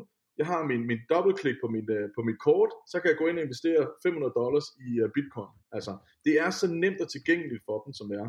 Og jeg tror, og det kunne være meget interessant at lave, men, men jeg tror så snart vi begynder at se øh, nogle andre, vil jeg så sige, emner eller ting bliver likvide, ligesom real estate, altså bare ejendom, at du kan begynde at lave fractional uh, ownership i, i, i ejendom, det vil sige, kan du investere 500 dollars i, i en ejendom i stedet for en fysisk ejendom, vil, det, vil den investeringsprofil så begynder at ændre sig? Det tror jeg på. Jeg tror, de unge mennesker lige begynder at sige, fordi det har vi lært, okay, hvis du investerer noget, så skal du investere i fast ejendom. Så jeg tror faktisk, at de stadigvæk vil bruge det her, fordi det er nemt og tilgængeligt, men jeg tror faktisk mere, at de vil, vi vil fjerne noget af det her spekulative over i kryptoen, og kun de seriøse coins lidt, der bliver investeret i, men så til gengæld også investere i, i, uh, i nogle af de her normale uh, assets, som ikke er likvide på samme måde, i hvert fald Ja. er tilgængelige på dem, fordi så skal du ind med 50-100.000 dollars, og så bliver det bare, du ved, det har jeg ikke, jeg har 500 kroner, det koster en share, så køber jeg for 500 kroner. Altså, det er nemt for dem at forstå. Det er Det er markering, Peter. noget, tror jeg. Ja. Ja, det er bare det der med, med børneopdragelse, ikke? at de skal helst gøre det modsatte. Ja. Så, så Morten, du må, bare sige, du må bare sige til dine børn sådan, okay, prøv at høre, fair nok, I går ind i det der, men det eneste, I ikke må gøre, altså bare lov mig, I ikke ringer til Peter eller Karina. altså, det er, det er det eneste, jeg, det vil jeg ikke kunne overleve. Altså, det er sådan... Ja, men, men, men det er, bare- jeg, jeg er faktisk rigtig glad for, mine børn på mange områder slet ikke overhovedet interesserer sig for det her. Altså, det, det må jeg kende, fordi det, det, det, er ikke modne nok til, synes jeg. Det her det er stadigvæk en, øh, hvad jeg kalder det, stadigvæk en stor legeplads øh, lige nu her. Der Mm. begynder at komme nogle rigtig spændende projekter, som begynder at have de rent, rigtige perspektiver på, hvordan skal vi, hvordan skal vi omfavne det her. Men jeg er glad for, at de ikke har interesseret sig for det lige nu her, som det er. Men, men det er noget, vi snakker om derhjemme. Det er hele den her du ved, decentralisering og privacy og sådan nogle ting, hvordan det er. Jeg tror, at fremtiden bliver for noget af det, men, men jeg er glad for, at de ikke i bund og grund sådan helt forstår det, sådan, øh, sådan dybt i hvert fald, fordi det er meget Ja. svært. I øh, sidste afsnit, vi gennemgik her i Kryptopia, der øh, fik, har jeg faktisk fået rigtig, rigtig meget ros. Der er mange, der har skrevet, at det her det var et, et af de bedste afsnit, vi havde, havde lavet. Og en af årsagerne til, at folk synes, det var så godt, det var fordi, vi snakkede om implementeringen af krypto til The Average Joe og, og herre fra Danmark. Og, øh, ja. og for lige at please mine, mine lyttere en lille smule, så synes jeg, vi skal prøve at gribe ned i en, i en implementeringscase en gang til. For nu sidder du og snakker om fast ejendom. Vi sidder og har en blockchain-ekspert i, i panelet også her. Øh, det, er jo, det er jo vildt privilegeret at kunne, kunne spørge to af nogle af de, de dygtigste danskere, vi har inden for de her områder, om de gider forklare mig en case. Så bare lige, fordi jeg har muligheden, så vil jeg gerne lige spørge. Kan vi få et, et, et eksempel på, hvordan fast ejendom igennem digitale assets og blockchains kunne fungere? Fordi som jeg ser det op i hovedet lige nu, så er det noget med, at du har et, fysisk hus, og vi lægger huset på øh, en blockchain, og så har du hele tiden, øh, hvad skal man sige, digitalt ejerskab også, øh, og, og det, det ligesom er i, i den automatiserede revision, at det er dig, der ejer det her. Så langt er jeg med. Men øh, kan der ske øh, noget investeringsmæssigt interessant i den forbindelse også? Altså, en ting er at kunne købe en fysisk grund for 3 millioner, og så sker der efter 10 år, så er hele nabolaget øh, blomstret op, og så er, er grunden 8 millioner værd. Øh, er, der, er der på en eller anden måde nogle, nogle faktorer, der gør, at vi kan, vi kan se sådan lidt den samme vækst, eller, eller forstår I, hvad jeg mener? Jeg, jeg fumler lidt lige nu, men forstår I, hvad jeg mener? Ikke helt. Ja. okay, godt. Ja, godt, Peter. Ja, jeg tror. Ja, ja, Ja. sorry. altså, jeg- skal prøve... Øh, jeg, jeg tror, jeg forstår spørgsmålet, så det kan du vurdere ud for svaret. Ja, så lad mig lige tilføje en sidste ting, Altså. fordi i sidste afsnit, vi havde Morten inde, der snakkede vi blandt andet om de her Christian Eriksen NFT'er, hvor man siger, at man har en ja. Christian Eriksen NFT, fordi man synes, øh, den er interessant, men man kunne adde øh, real life value ved at sige, øh, mine tre fedeste scoringer fra Christian Eriksen, synes jeg har været de her, og så tilføjer man det til NFT'en. Så min pointe er ligesom, er der, er der mulighed for at bygge de her NFT'er op, så de bliver mere værd, end de er i virkeligheden? Ikke når vi snakker hus, som jeg ser det. Nej. Det vil bare reflektere i forhold til udvikling, som det er. Så er det mere den her nemhed i forhold til at skære noget papirarbejde væk, når det er, at du skifter ejerskab på dem, som det er. Men man kan sige, at det mulighed, måske de åbner op for, det er, at du kan lave noget lending over imod det. Så er det måske mere de, de udlån, øh, de, vil sige, de tilbud, du vil få i forhold til, og så sige, nu skal du bygge nyt køkken, øh, jeg har min den her NFT, jeg laver, øh, du ved, det er en fraction eller 100 af stykker, nu er det fem af de her uh, assets i bund og grund ud af de 100, som jeg stiller til rådighed for den her lending, uh, så I nu får pant i min, i min NFT, eller hele min ejendom selvfølgelig, men, men, uh, men det er den eneste mulighed, hvor jeg kan se umiddelbart sådan, som det er, men jeg tror, Karina er måske mere ekspert på det område, der, var før. men det er sådan, jeg kunne se det. Jeg fik bare lige tanker omkring altså det her med, hvis man forestiller sig de her, øh, vi ser jo de her flerfamiliehuse for eksempel, ikke? hvor man så investerer i øh, x antal sommerhuse rundt omkring i verden, og så er man 50 familier, der ejer Ah, øh, nogle forskellige bygninger. Ikke? Det jo en måde, hvor det kunne man sagtens lægge over, og så var det tokens, man ligesom selv rådede over. Hvis jeg så også havde en lignende, øh, hvad hedder det, ejer øh, andel i for eksempel øh, et flyselskab. Lad os bare lege det x antal ture til de her lande rundt omkring, som jeg også kunne. Så kunne jeg jo personligt koble de to sammen og sige, nu har jeg x antal tokens over i nogle sommerferieboliger, jeg har også x antal tokens på flyrejser. Jeg udbyder dem samlet som sådan nogle pakker til folk. Jeg ved ikke, hvordan man gør det i forhold til altså, øh, teknikken bag, men ideen om, at du har adgang til for eksempel at bruge det ene og det andet, og du så kan koble og låne det ud sammen, eller sælge det, eller lege det ud, det kan jo godt være en helt ekstra økonomi i det. Om du kan godt skabe en hel økonomi i det i forhold til, hvis du laver det som investering, og så laver udlejning derpå, som det er. Det, det, det kan du sagtens på. Mm. Øhm, fordi så NFT'en kan bare blive til, at du, at du tillader i, i smart contracten i bund og grund, at, at de får lov til at lave udlån på den, eller de kan købe sig adgang i x antal dage. Øh, og så er der også den, du logger ind med i bund og grund i din øh, ejendom. Øh, så der, er- der, der er selvfølgelig en masse ting, du godt gøre på det, men, men hvor, hvor meget i værdi de vil stige, det kan man så sige, det er måske sådan lidt, det kommer an på, hvor, hvor tit bliver de udlånt, og det ved, hvor rentabelt er det, så, så jeg synes mere, at det er mere interessant i forhold til øh, nogle gange nemheden også at kunne øh, låne penge i forhold til sin, altså sikkerheden i, i sin egen ejendom et eller andet sted. Så tror jeg, det vil være nemmere og hurtigere øh, i fremtiden i forhold til det med en NFT, fordi så er det simpelthen bare fraktionerne, du har en værdi på den, du kan se i, i real time, vi kan måske også endda se, hvad for nogle hvad for nogle steder den blev koblet op på. Nu kan vi sige hele den her diskussion med varmesjekken, om det er naturgas, du har inde i, eller hvad du har. Øh, Så det er jo nogle af de ting, hvor man bare kan komme ind på at sige, hvad er det, der gør, at den har den værdi, mm. som den har her nu. Og så sige, at nu skal jeg Ja. bruge nogle penge, og nu, nu tilbyder simpelthen på, på at, at låne den ud, eller at, at omlægge nogle lån. Øh, Ja, men selvfølgelig. Det, det giver da sindssygt god mening. Der har jo været den her... Undskyld, jeg tror, der, der er lige to sekunders latency, i morgen. Det er derfor, jeg, det kommer til at lyde lidt, som om jeg afbryder dig nogle gange. Men øh, det, det er sgu da rigtigt. Og, og øh, hvis vi skal please vores lytter en lille smule i forhold til implementering, og hvor giver blockchain og krypto jo mening, så har der jo lige været den her kæmpe skandale med, at man har fået udbetalt varmechecks, selvom man egentlig ikke skulle have udbetalt varmechecks og det og så videre. Men hvis du havde en blockchain, der rent faktisk kunne fortælle, hvilke hus har øh, naturgas, og hvad er det 100% for nogle adresser, vi skal sende de her penge til, så var det jo aldrig sket. Nej. Men, men, det er men, et af det de med- mest uh, real-life, bedste eksempler, vi egentlig har på, hvorfor blockchain har også en reel use case i, i Danmark, for eksempel. Ja, jo jo, men det, men det er det der med, man skal selvfølgelig stole på den data, hvornår bliver den opdateret, hvem er det, der opdaterer den data, kan vi så verificere, og kan vi, kan, er det en troværdig kilde, der sørger for, at det er opdateret?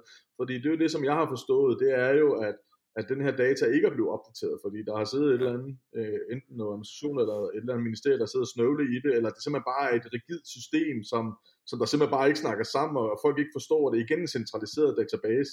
Øh, ja. Det er derfor, jeg stadig håber på, at man begynder at kigge på blockchain-teknologien inde i, uh, inde i de offentlige. Stille og roligt, prøv at få det implementeret ind, fordi det vil, det vil frigive så mange ressourcer. Altså, det er, ja. Og det kunne, det kunne netop sikre, at vi, at vi bruger vores, vores skattekroner meget bedre. Vi vil få meget mere overblik over, hvordan er det, vi bruger vores penge. Øh, hvor bliver de brugt hen? Hvordan er det, det hele det flyder rundt? Øh, så vi, vi netop slipper for, for nogle af de her upser rundt omkring, hvor folk beklar, øh, de, de bortforklarer bagefter, og så undskylder de. Men det, det, det ændrer jo stadigvæk ikke på, at det er en masse penge, som kunne være brugt på nogle andre ting øh, og bedre. Ja, ja.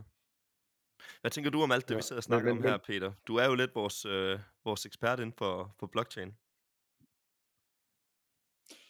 Jeg sidder og tænker, at øh, det er fedt, at der stadig kan være spørgsmål til sådan en øh, gammel mand som mig, der sidder i den her støvede øh, kryptosektor, nu i, i lyset af Mortens øh, Web3 øh, NFT-univers. Der, der, der føler man sig lidt støvet en gang imellem, når der endelig skal snakkes om, om tokens og krypto igen.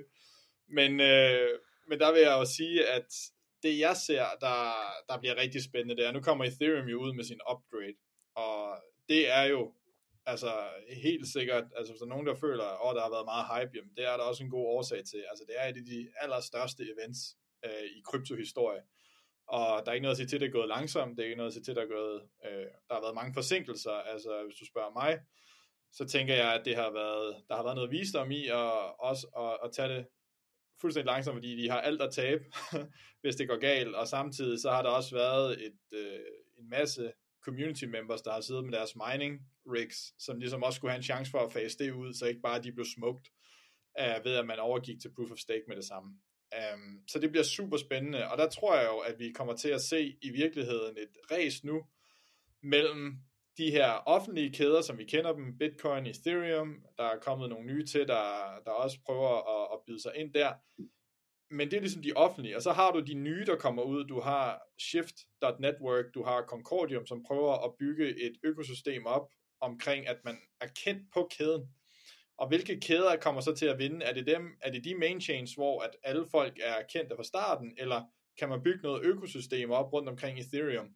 For at få den verifikation ind over det, så du på den måde ikke behøver en helt ny offentlig kæde, som, hvor alle er kendt. Og det er jo ligesom det, der bliver spændende, ikke? hvor du har players som Januar øh, betalingsservice, som, som nu kommer ud og, og bygger øh, betalingskonti til kryptovirksomheder.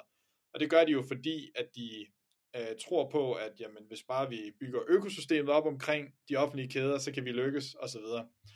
Og der, hvor vi så virkelig kommer ud i den næste tier af innovation, det er jo, altså nu havde jeg her som i sidste, så sent som i sidste uge, et øh, møde med, med en virksomhed, hvor vi bare helt tilfældigt kommer til at snakke om, de faktisk gerne vil lave deres IPO i krypto.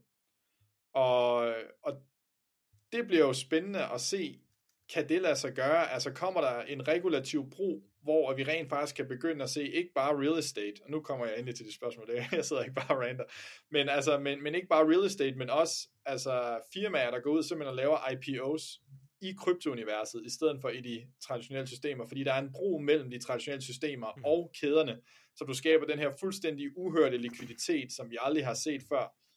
Øhm, så, så jeg tror, det, er der, hvor du begynder at se de helt store næste skridt.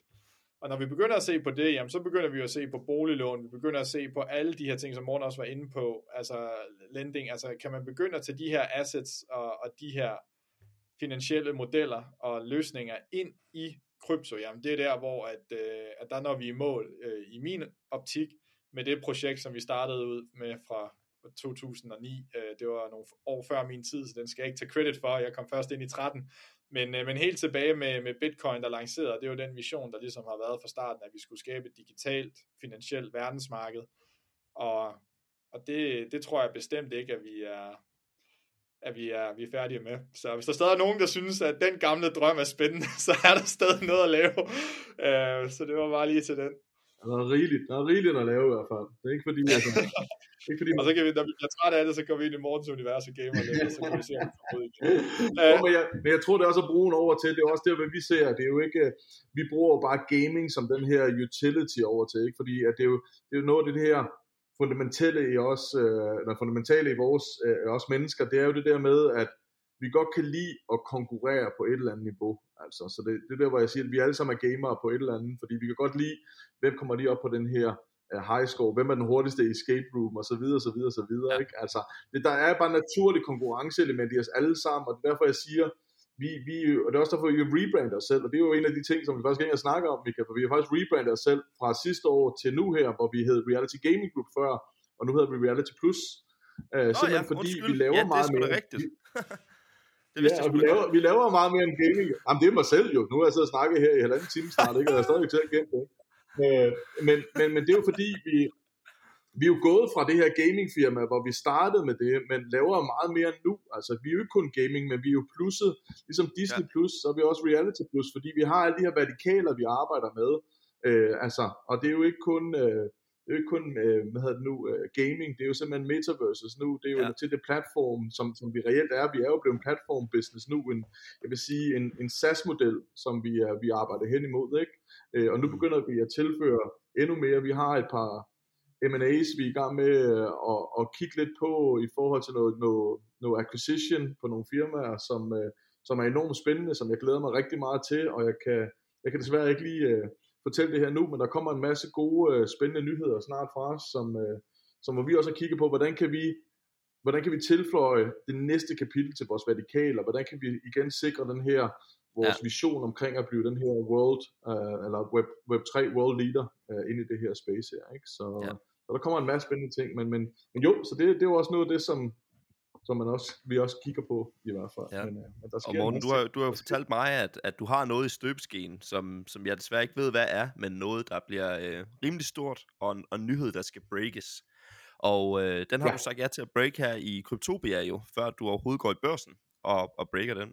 Så det glæder vi os mega meget til at høre, hvad det er, vi skal høre mere om. Og enten så tror jeg, at vi kommer til at få dig ind til en øh, sådan sær episode, ekstra episode her, eller også så kommer du jo ind i, i næste måneds afsnit, øh, hvor vi faktisk har Lars Seier ja. med i, øh, i podcasten. Han kommer lige den første times tid, og enten så bliver det så dig, der, der overtager og breaker, eller også så, øhm, så får vi lige lavet et, et ekstra episode til det. Så det bliver jo også øh, rigtig, rigtig spændende øh, på den front. Ja.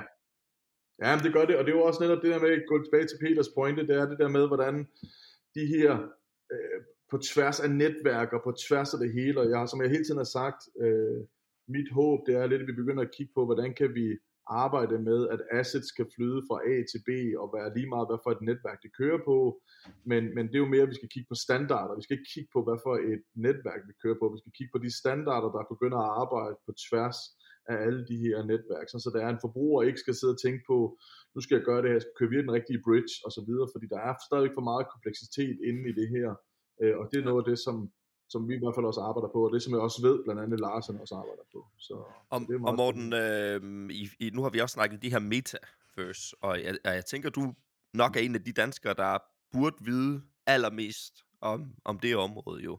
Kan du fortælle os lidt om implement, implementeringsrejsen fra nu og til, at vi sådan begynder aktivt at deltage i et, i et metaverse? Jeg kunne godt tænke mig, at du svarer, hvis du kan, på to ting. Et, øh, hvornår estimerer du, at vi sådan aktivt begynder at, at agere i det her metavers? Og to, øh, hvad tror du, der skal til for at få herre fra Danmark til aktivt at deltage i et metavers? Og nu er altså noget, det var sådan nogle stille og roligt beskedende spørgsmål, du lige stiller, Michael. Det er jeg synes, du var glad for. Ja, sorry. øhm, Det er så jeg vil fucking sige, spændende.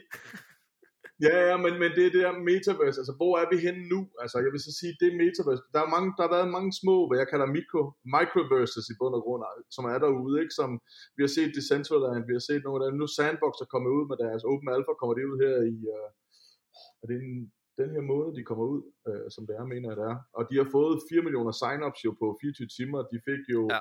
har fået vanvittig eksponering uh, i forhold til nu det her åbne, og vi, uh, vi kigger rigtig meget af det, det er jo også vores jeg vil sige, go-to metaverse, som vi laver til, til at starte med, selvom det faktisk er det her voksede øh, kan man sige, approach, eller den her tilgang til det, det vil så sige, det ligner jo ikke rigtige mennesker som sådan, altså det er meget øh, karikeret i forhold til, og man kan virkelig godt se en forskel på det, og det er lidt med vilje, tror jeg, også på, altså, som jeg også godt kan lide, fordi det er jo den her transformation igen, at vi snakker om, stille og roligt skal folk vende sig til og, og interagere med den her nye metaverse her, og hvordan begynder vi at skabe den her øh, portal og hop fra de forskellige metaverse og forskellige verdener, øh, og, og bare en simpel ting som, hvordan håndterer vi betaling inde i metaverses også. Altså, mm. det er jo noget af det, som jeg er enormt øh, optaget af, fordi vi ødelægger jo også oplevelsen, hvis det er, at man stopper op og skal åbne en, en, en side ved siden af, og skal type sin, eller skrive sin øh, kreditkortdetaljer ind, og så videre, og så videre. Hvordan begynder vi at snakke, at at man betaler i fremtiden, og det så siger via sin avatar, det er sådan en body wallet, man skal se sig selv som, at, at, at hele din avatar er din wallet, øh, så du både kan til, du kan tilføje bund og rundt din, øh, din betalingsoplysning automatisk til, fordi du bare kan gå hen og så bare, du ved, bevæge din hånd på og klik, og så kommer du ind i de her verdener, eller hvor du gerne vil hen. Øh, så, så det er mere nogle af de ting, som jeg så stadigvæk ikke synes, der er løst, altså som, som jeg ikke har set endnu, at folk de løser, og det er jo noget af det, som, som vi selv arbejder også på, men det er simpelthen fordi, jeg ikke har set det blive løst. Øh, men for mig der er Sandbox stadigvæk dem, som er længst fremme i hele det her metaverse-snak her, øh, men, men er stadigvæk meget gaming orienteret, meget gaming fokuseret. Der skal selvfølgelig være noget underholdning, der skal være noget sjov derinde. Øh, vi begynder at se lidt de store, det er også noget af det, vi arbejder med BBC og ITV omkring, at vi, uh, vi laver med deres verdener, kommer der til at være sådan nogle behind the scenes, og hvis du har en NFT, som er fra BBC eller ITV, så kan du komme ind og se for eksempel den nyeste episode af Dr. Who, før det overhovedet kommer ud i fjernsynet. Altså, mm. Og det er jo der, hvor jeg ser, at vi stille og roligt begynder at lære dem omkring det her, men, men, men det er meget forskelligt, tror jeg på, hvad vi kommer til at se. Øh, ja. Og jeg tror på, at der kommer til jeg tror på, at der kommer til at være rigtig mange forskellige udgaver, og hvem kommer også til at sidde på noget af det her, men igen gå tilbage til, hvordan sikrer vi de her standarder, så du stadig kan hoppe fra den ene verden til den anden, fordi ellers så bliver det, så er du en Unity øh, centraliseret verden, fordi det er det, det som den øh, metaverse er baseret på, og så er vi over i en Unreal øh, centraliseret verden, øh, og så har vi øh, du ved, Amazons inde i midten, som, øh, eller AWS's inde i midten, som er sådan open source, men, men hvordan sikrer vi, at de her verdener kan blive bygget vidt forskellige, men at folk kan hoppe på tværs af det hele. Øh, mm det, det har jeg stadigvæk ikke set overhovedet. Så jeg, jeg tror, der går lang tid for at svare på de spørgsmål, før at, øh, ja. at vi ser noget. Men det er, at vi starter stille og roligt på det nu her. I det her år her, tror jeg stadig på, at vi lukker ja, mellem 10 og 20 millioner ind i, i det første øh, ligesom sandbox-univers, som jeg tror, at folk de vil blive ved med at bygge på og kigge på. Øh, men, men det løser stadigvæk ikke problemet for mig. Altså, jeg, jeg, det, det skal være det skal være et sted, hvor man næsten får bygget sin økonomiske model op, hvor man ikke behøves, man kan godt være, man køber uh, sin grund derinde, uh, men for mig der handler det mere om, hvordan kan vi bare bygge og lære og, og uddanne uh, derinde, så folk får lyst til at være kreative og bygge de her fede oplevelser. Fordi ellers så bliver det hurtigt sådan noget lukket system, hvor du skal have rigtig mange penge for at overhovedet komme ind i det. Og det, det, det kan jeg godt være lidt bekymret for. Ja. Sandbox token, den er jo helt under en dollar lige nu. Øh, ja, den er faldet. Ja, men det er også igen der sket. Ja, ud at købe. Ja, ja, det lyder det på dig i hvert fald som om, at det er en meget undervurderet token. Jeg tror, jeg tror på, at det, det, altså, nu, kan man sige, nu har vi selv siddet og bygget på deres toolsets og sådan nogle ting. Der er ingen tvivl om, at vi giver rigtig meget feedback til dem, også som udviklere selv, og så siger, at det her, det skal I måske prøve at lave lidt mere åbent. Det er stadigvæk for centraliseret, det er stadigvæk for lukket. Øh, det er ikke, det er ikke nemt at bruge, vil jeg så sige, fordi det hele tiden at gerne vil være dem, der har kontrollen. Og det er det, som jeg stadigvæk har det største problem med.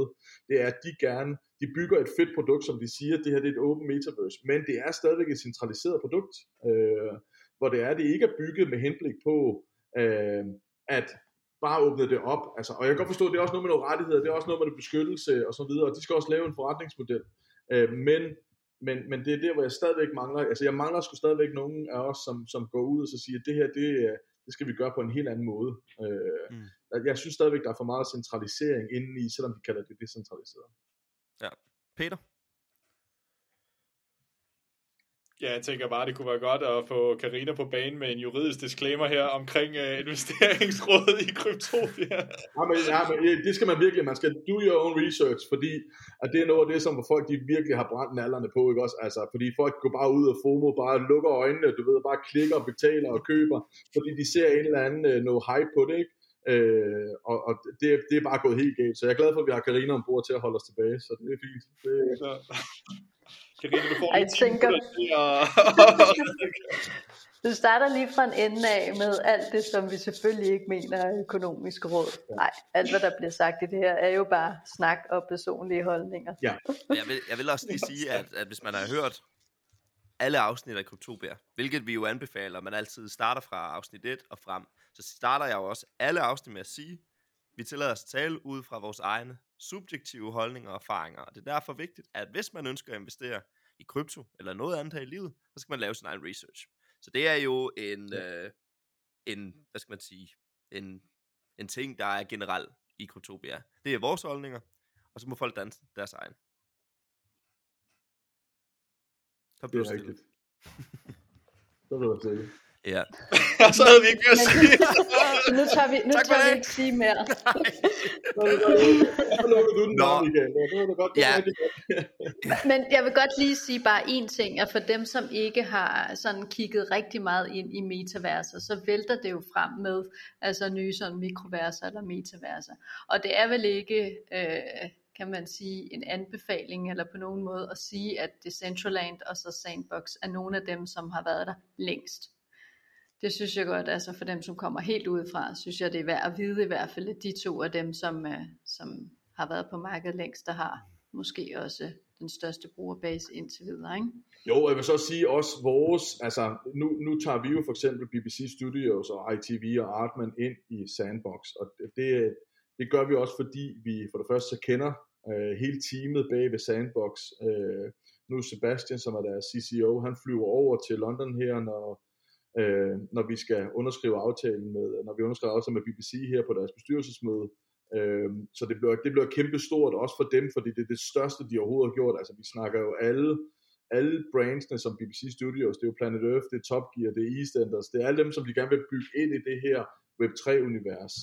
Øh, så det, det, det viser også noget om, hvor, hvor seriøst vi også tager det, og også vi laver vores, også, ah, vores egen due diligence og sikrer selvfølgelig, fordi vi er jo de her, hvad jeg kalder brand guardians for de her store AAA brands. Altså vi passer på dem i den her, nu den her fra, fra den her omvæltning fra Web 2 ind til Web 3, og hvordan sikrer vi dem inden den her Web 3 og passer på deres brand, og hvordan arbejder vi med dem. Så, så der er ingen tvivl om, at vi, øh, vi har brugt meget tid på at kigge på, på, på selve øh, vores egen due diligence og kigge på dem, og hvad er det, vi kan. Og for os, så er det, så er det en start.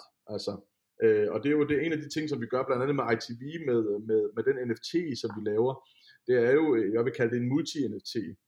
Øh, det vil så sige, at det er en det, det er en avatar, men når du så connecter til din sandbox, så får du automatisk en sandbox 3D avatar, som virker ind i den her.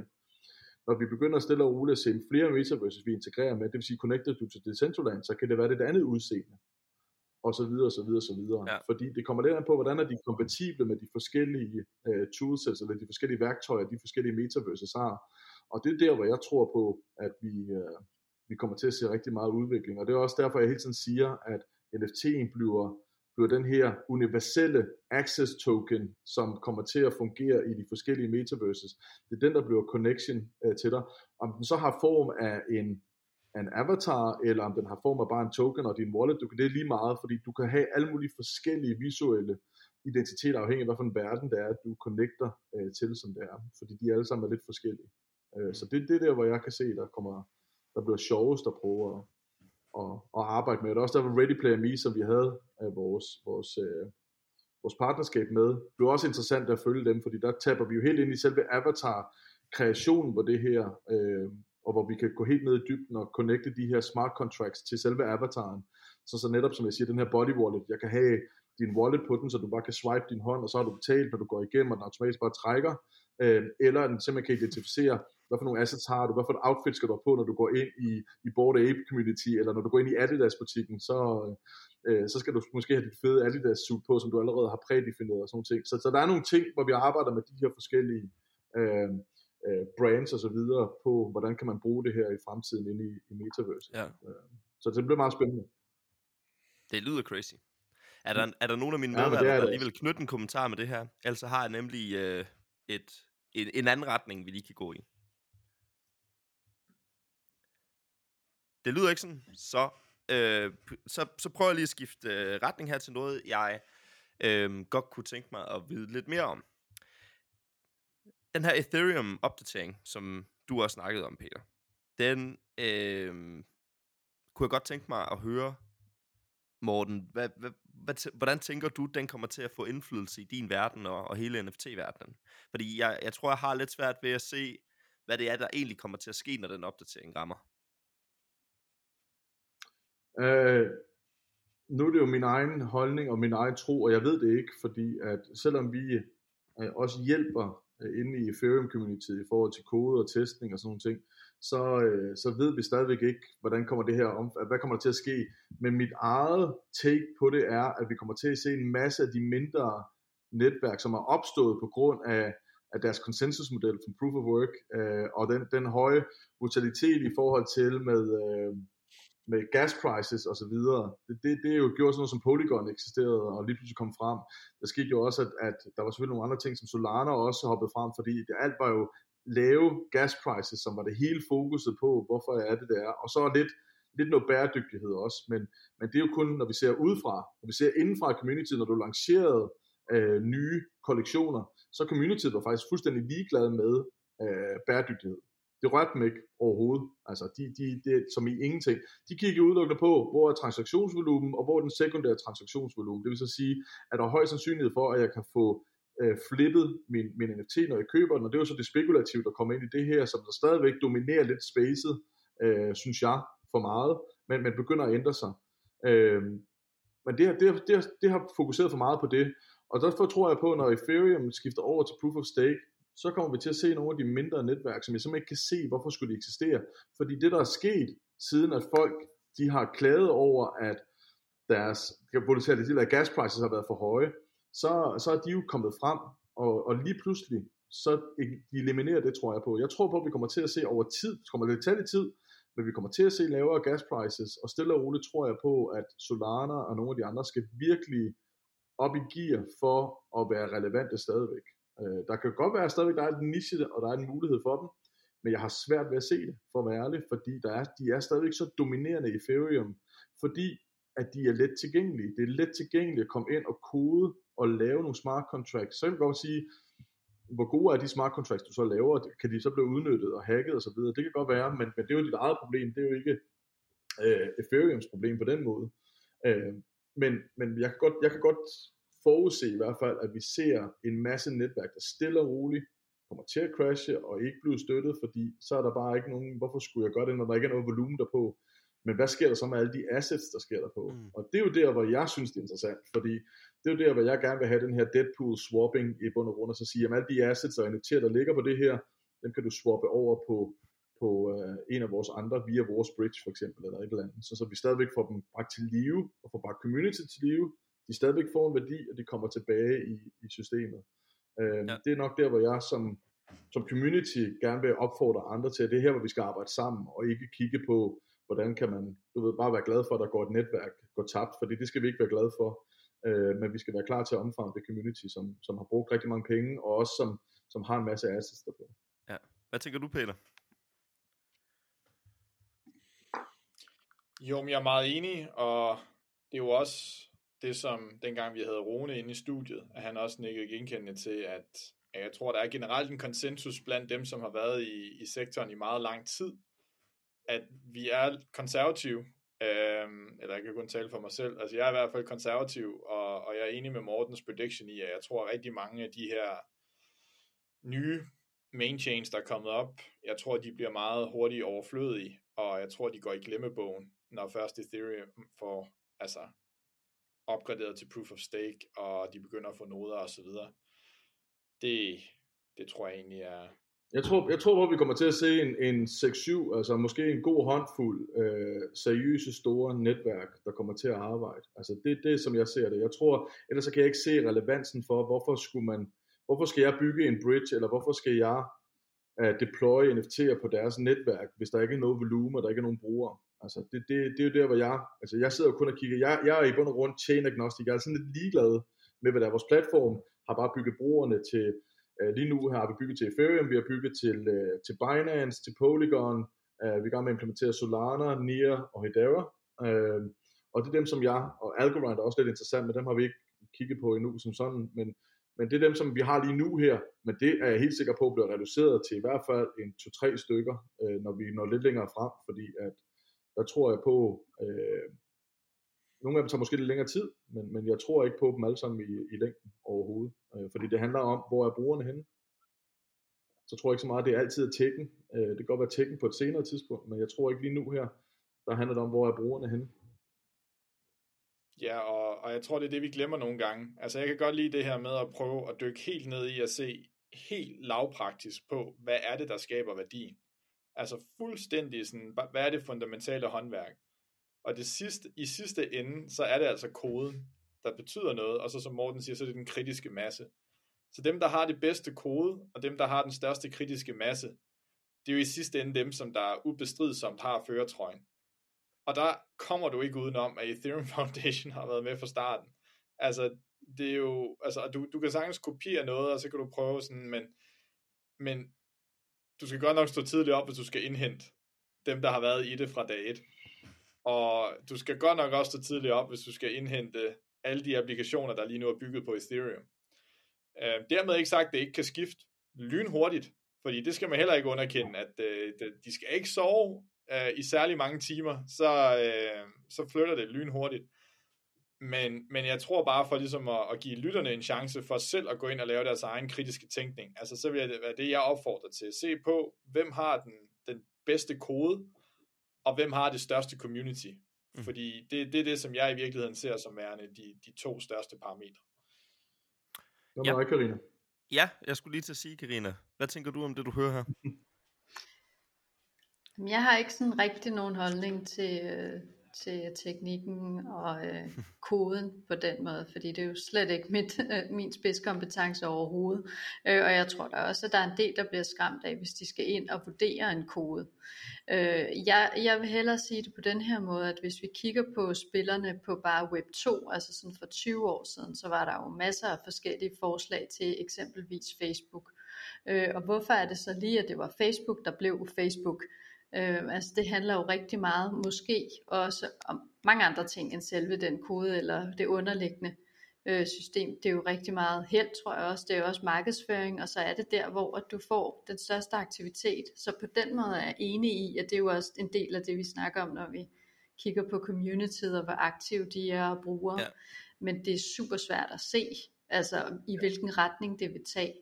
Men jeg kunne godt forestille mig, at vi ser, at der er nogen, Altså sådan chain, som bare bliver rigtig dygtige til et område, altså til en industri, fordi de så bare er 100% tilpasset til det. Om det så er over i medicinal i det ene, eller transport i det andet, så bliver det der, øh, hvor at, øh, at, at vi så ser, at de blomstrer. Øh, men jeg er helt enig, vi kommer ikke til at have tusindvis af, af chains overhovedet. Det kommer til, og der kommer til at ske en frasortering undervejs. Ja, fordi det handler også om et eller andet sted, os som bygger på det, det, det kræver også rigtig mange ressourcer, og så flytte vores applikationer, når det først er integreret.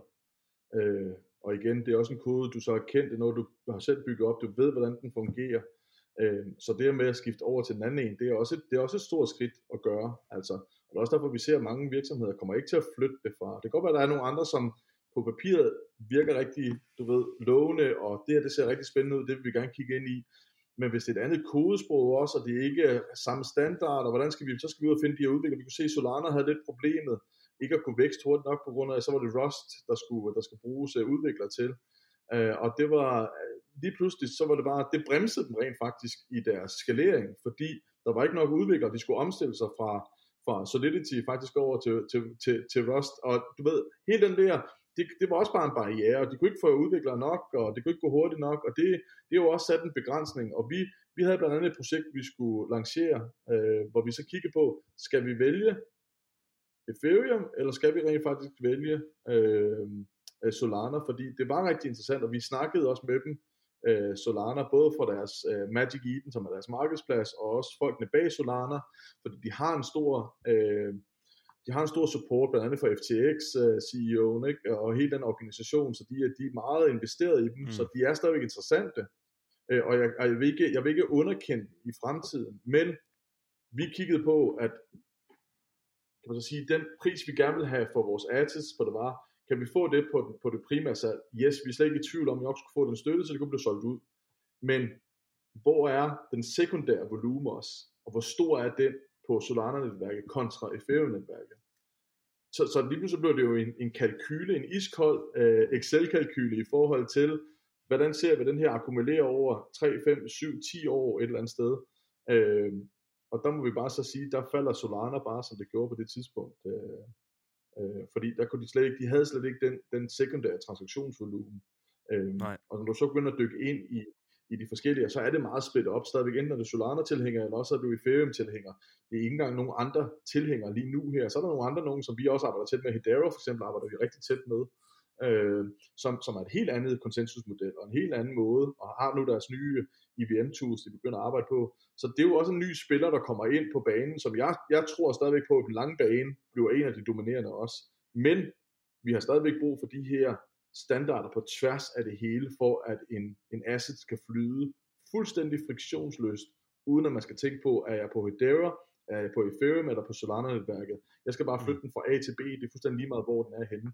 Men hvem betaler den transportomkostning, der vil være indimellem? Fordi, og hvordan med minting og burning, fordi de skal i netværk for at sikre, at der kun er stadigvæk en, og så videre, og så videre. Så der er rigtig mange ting i det, som ikke bare er lige øh, at, at gøre, men noget af det, som man bliver nødt til at sætte sig sammen og finde nogle løsninger på, for at vi virkelig kan, kan få integreret det her på tværs af det hele. For så er jeg helt enig med Karina, så vil der være nogle netværk, som passer bedre til nogle industrier end andre. Så, så den, den, den er jeg fuldstændig købt ind på, den der, som det er.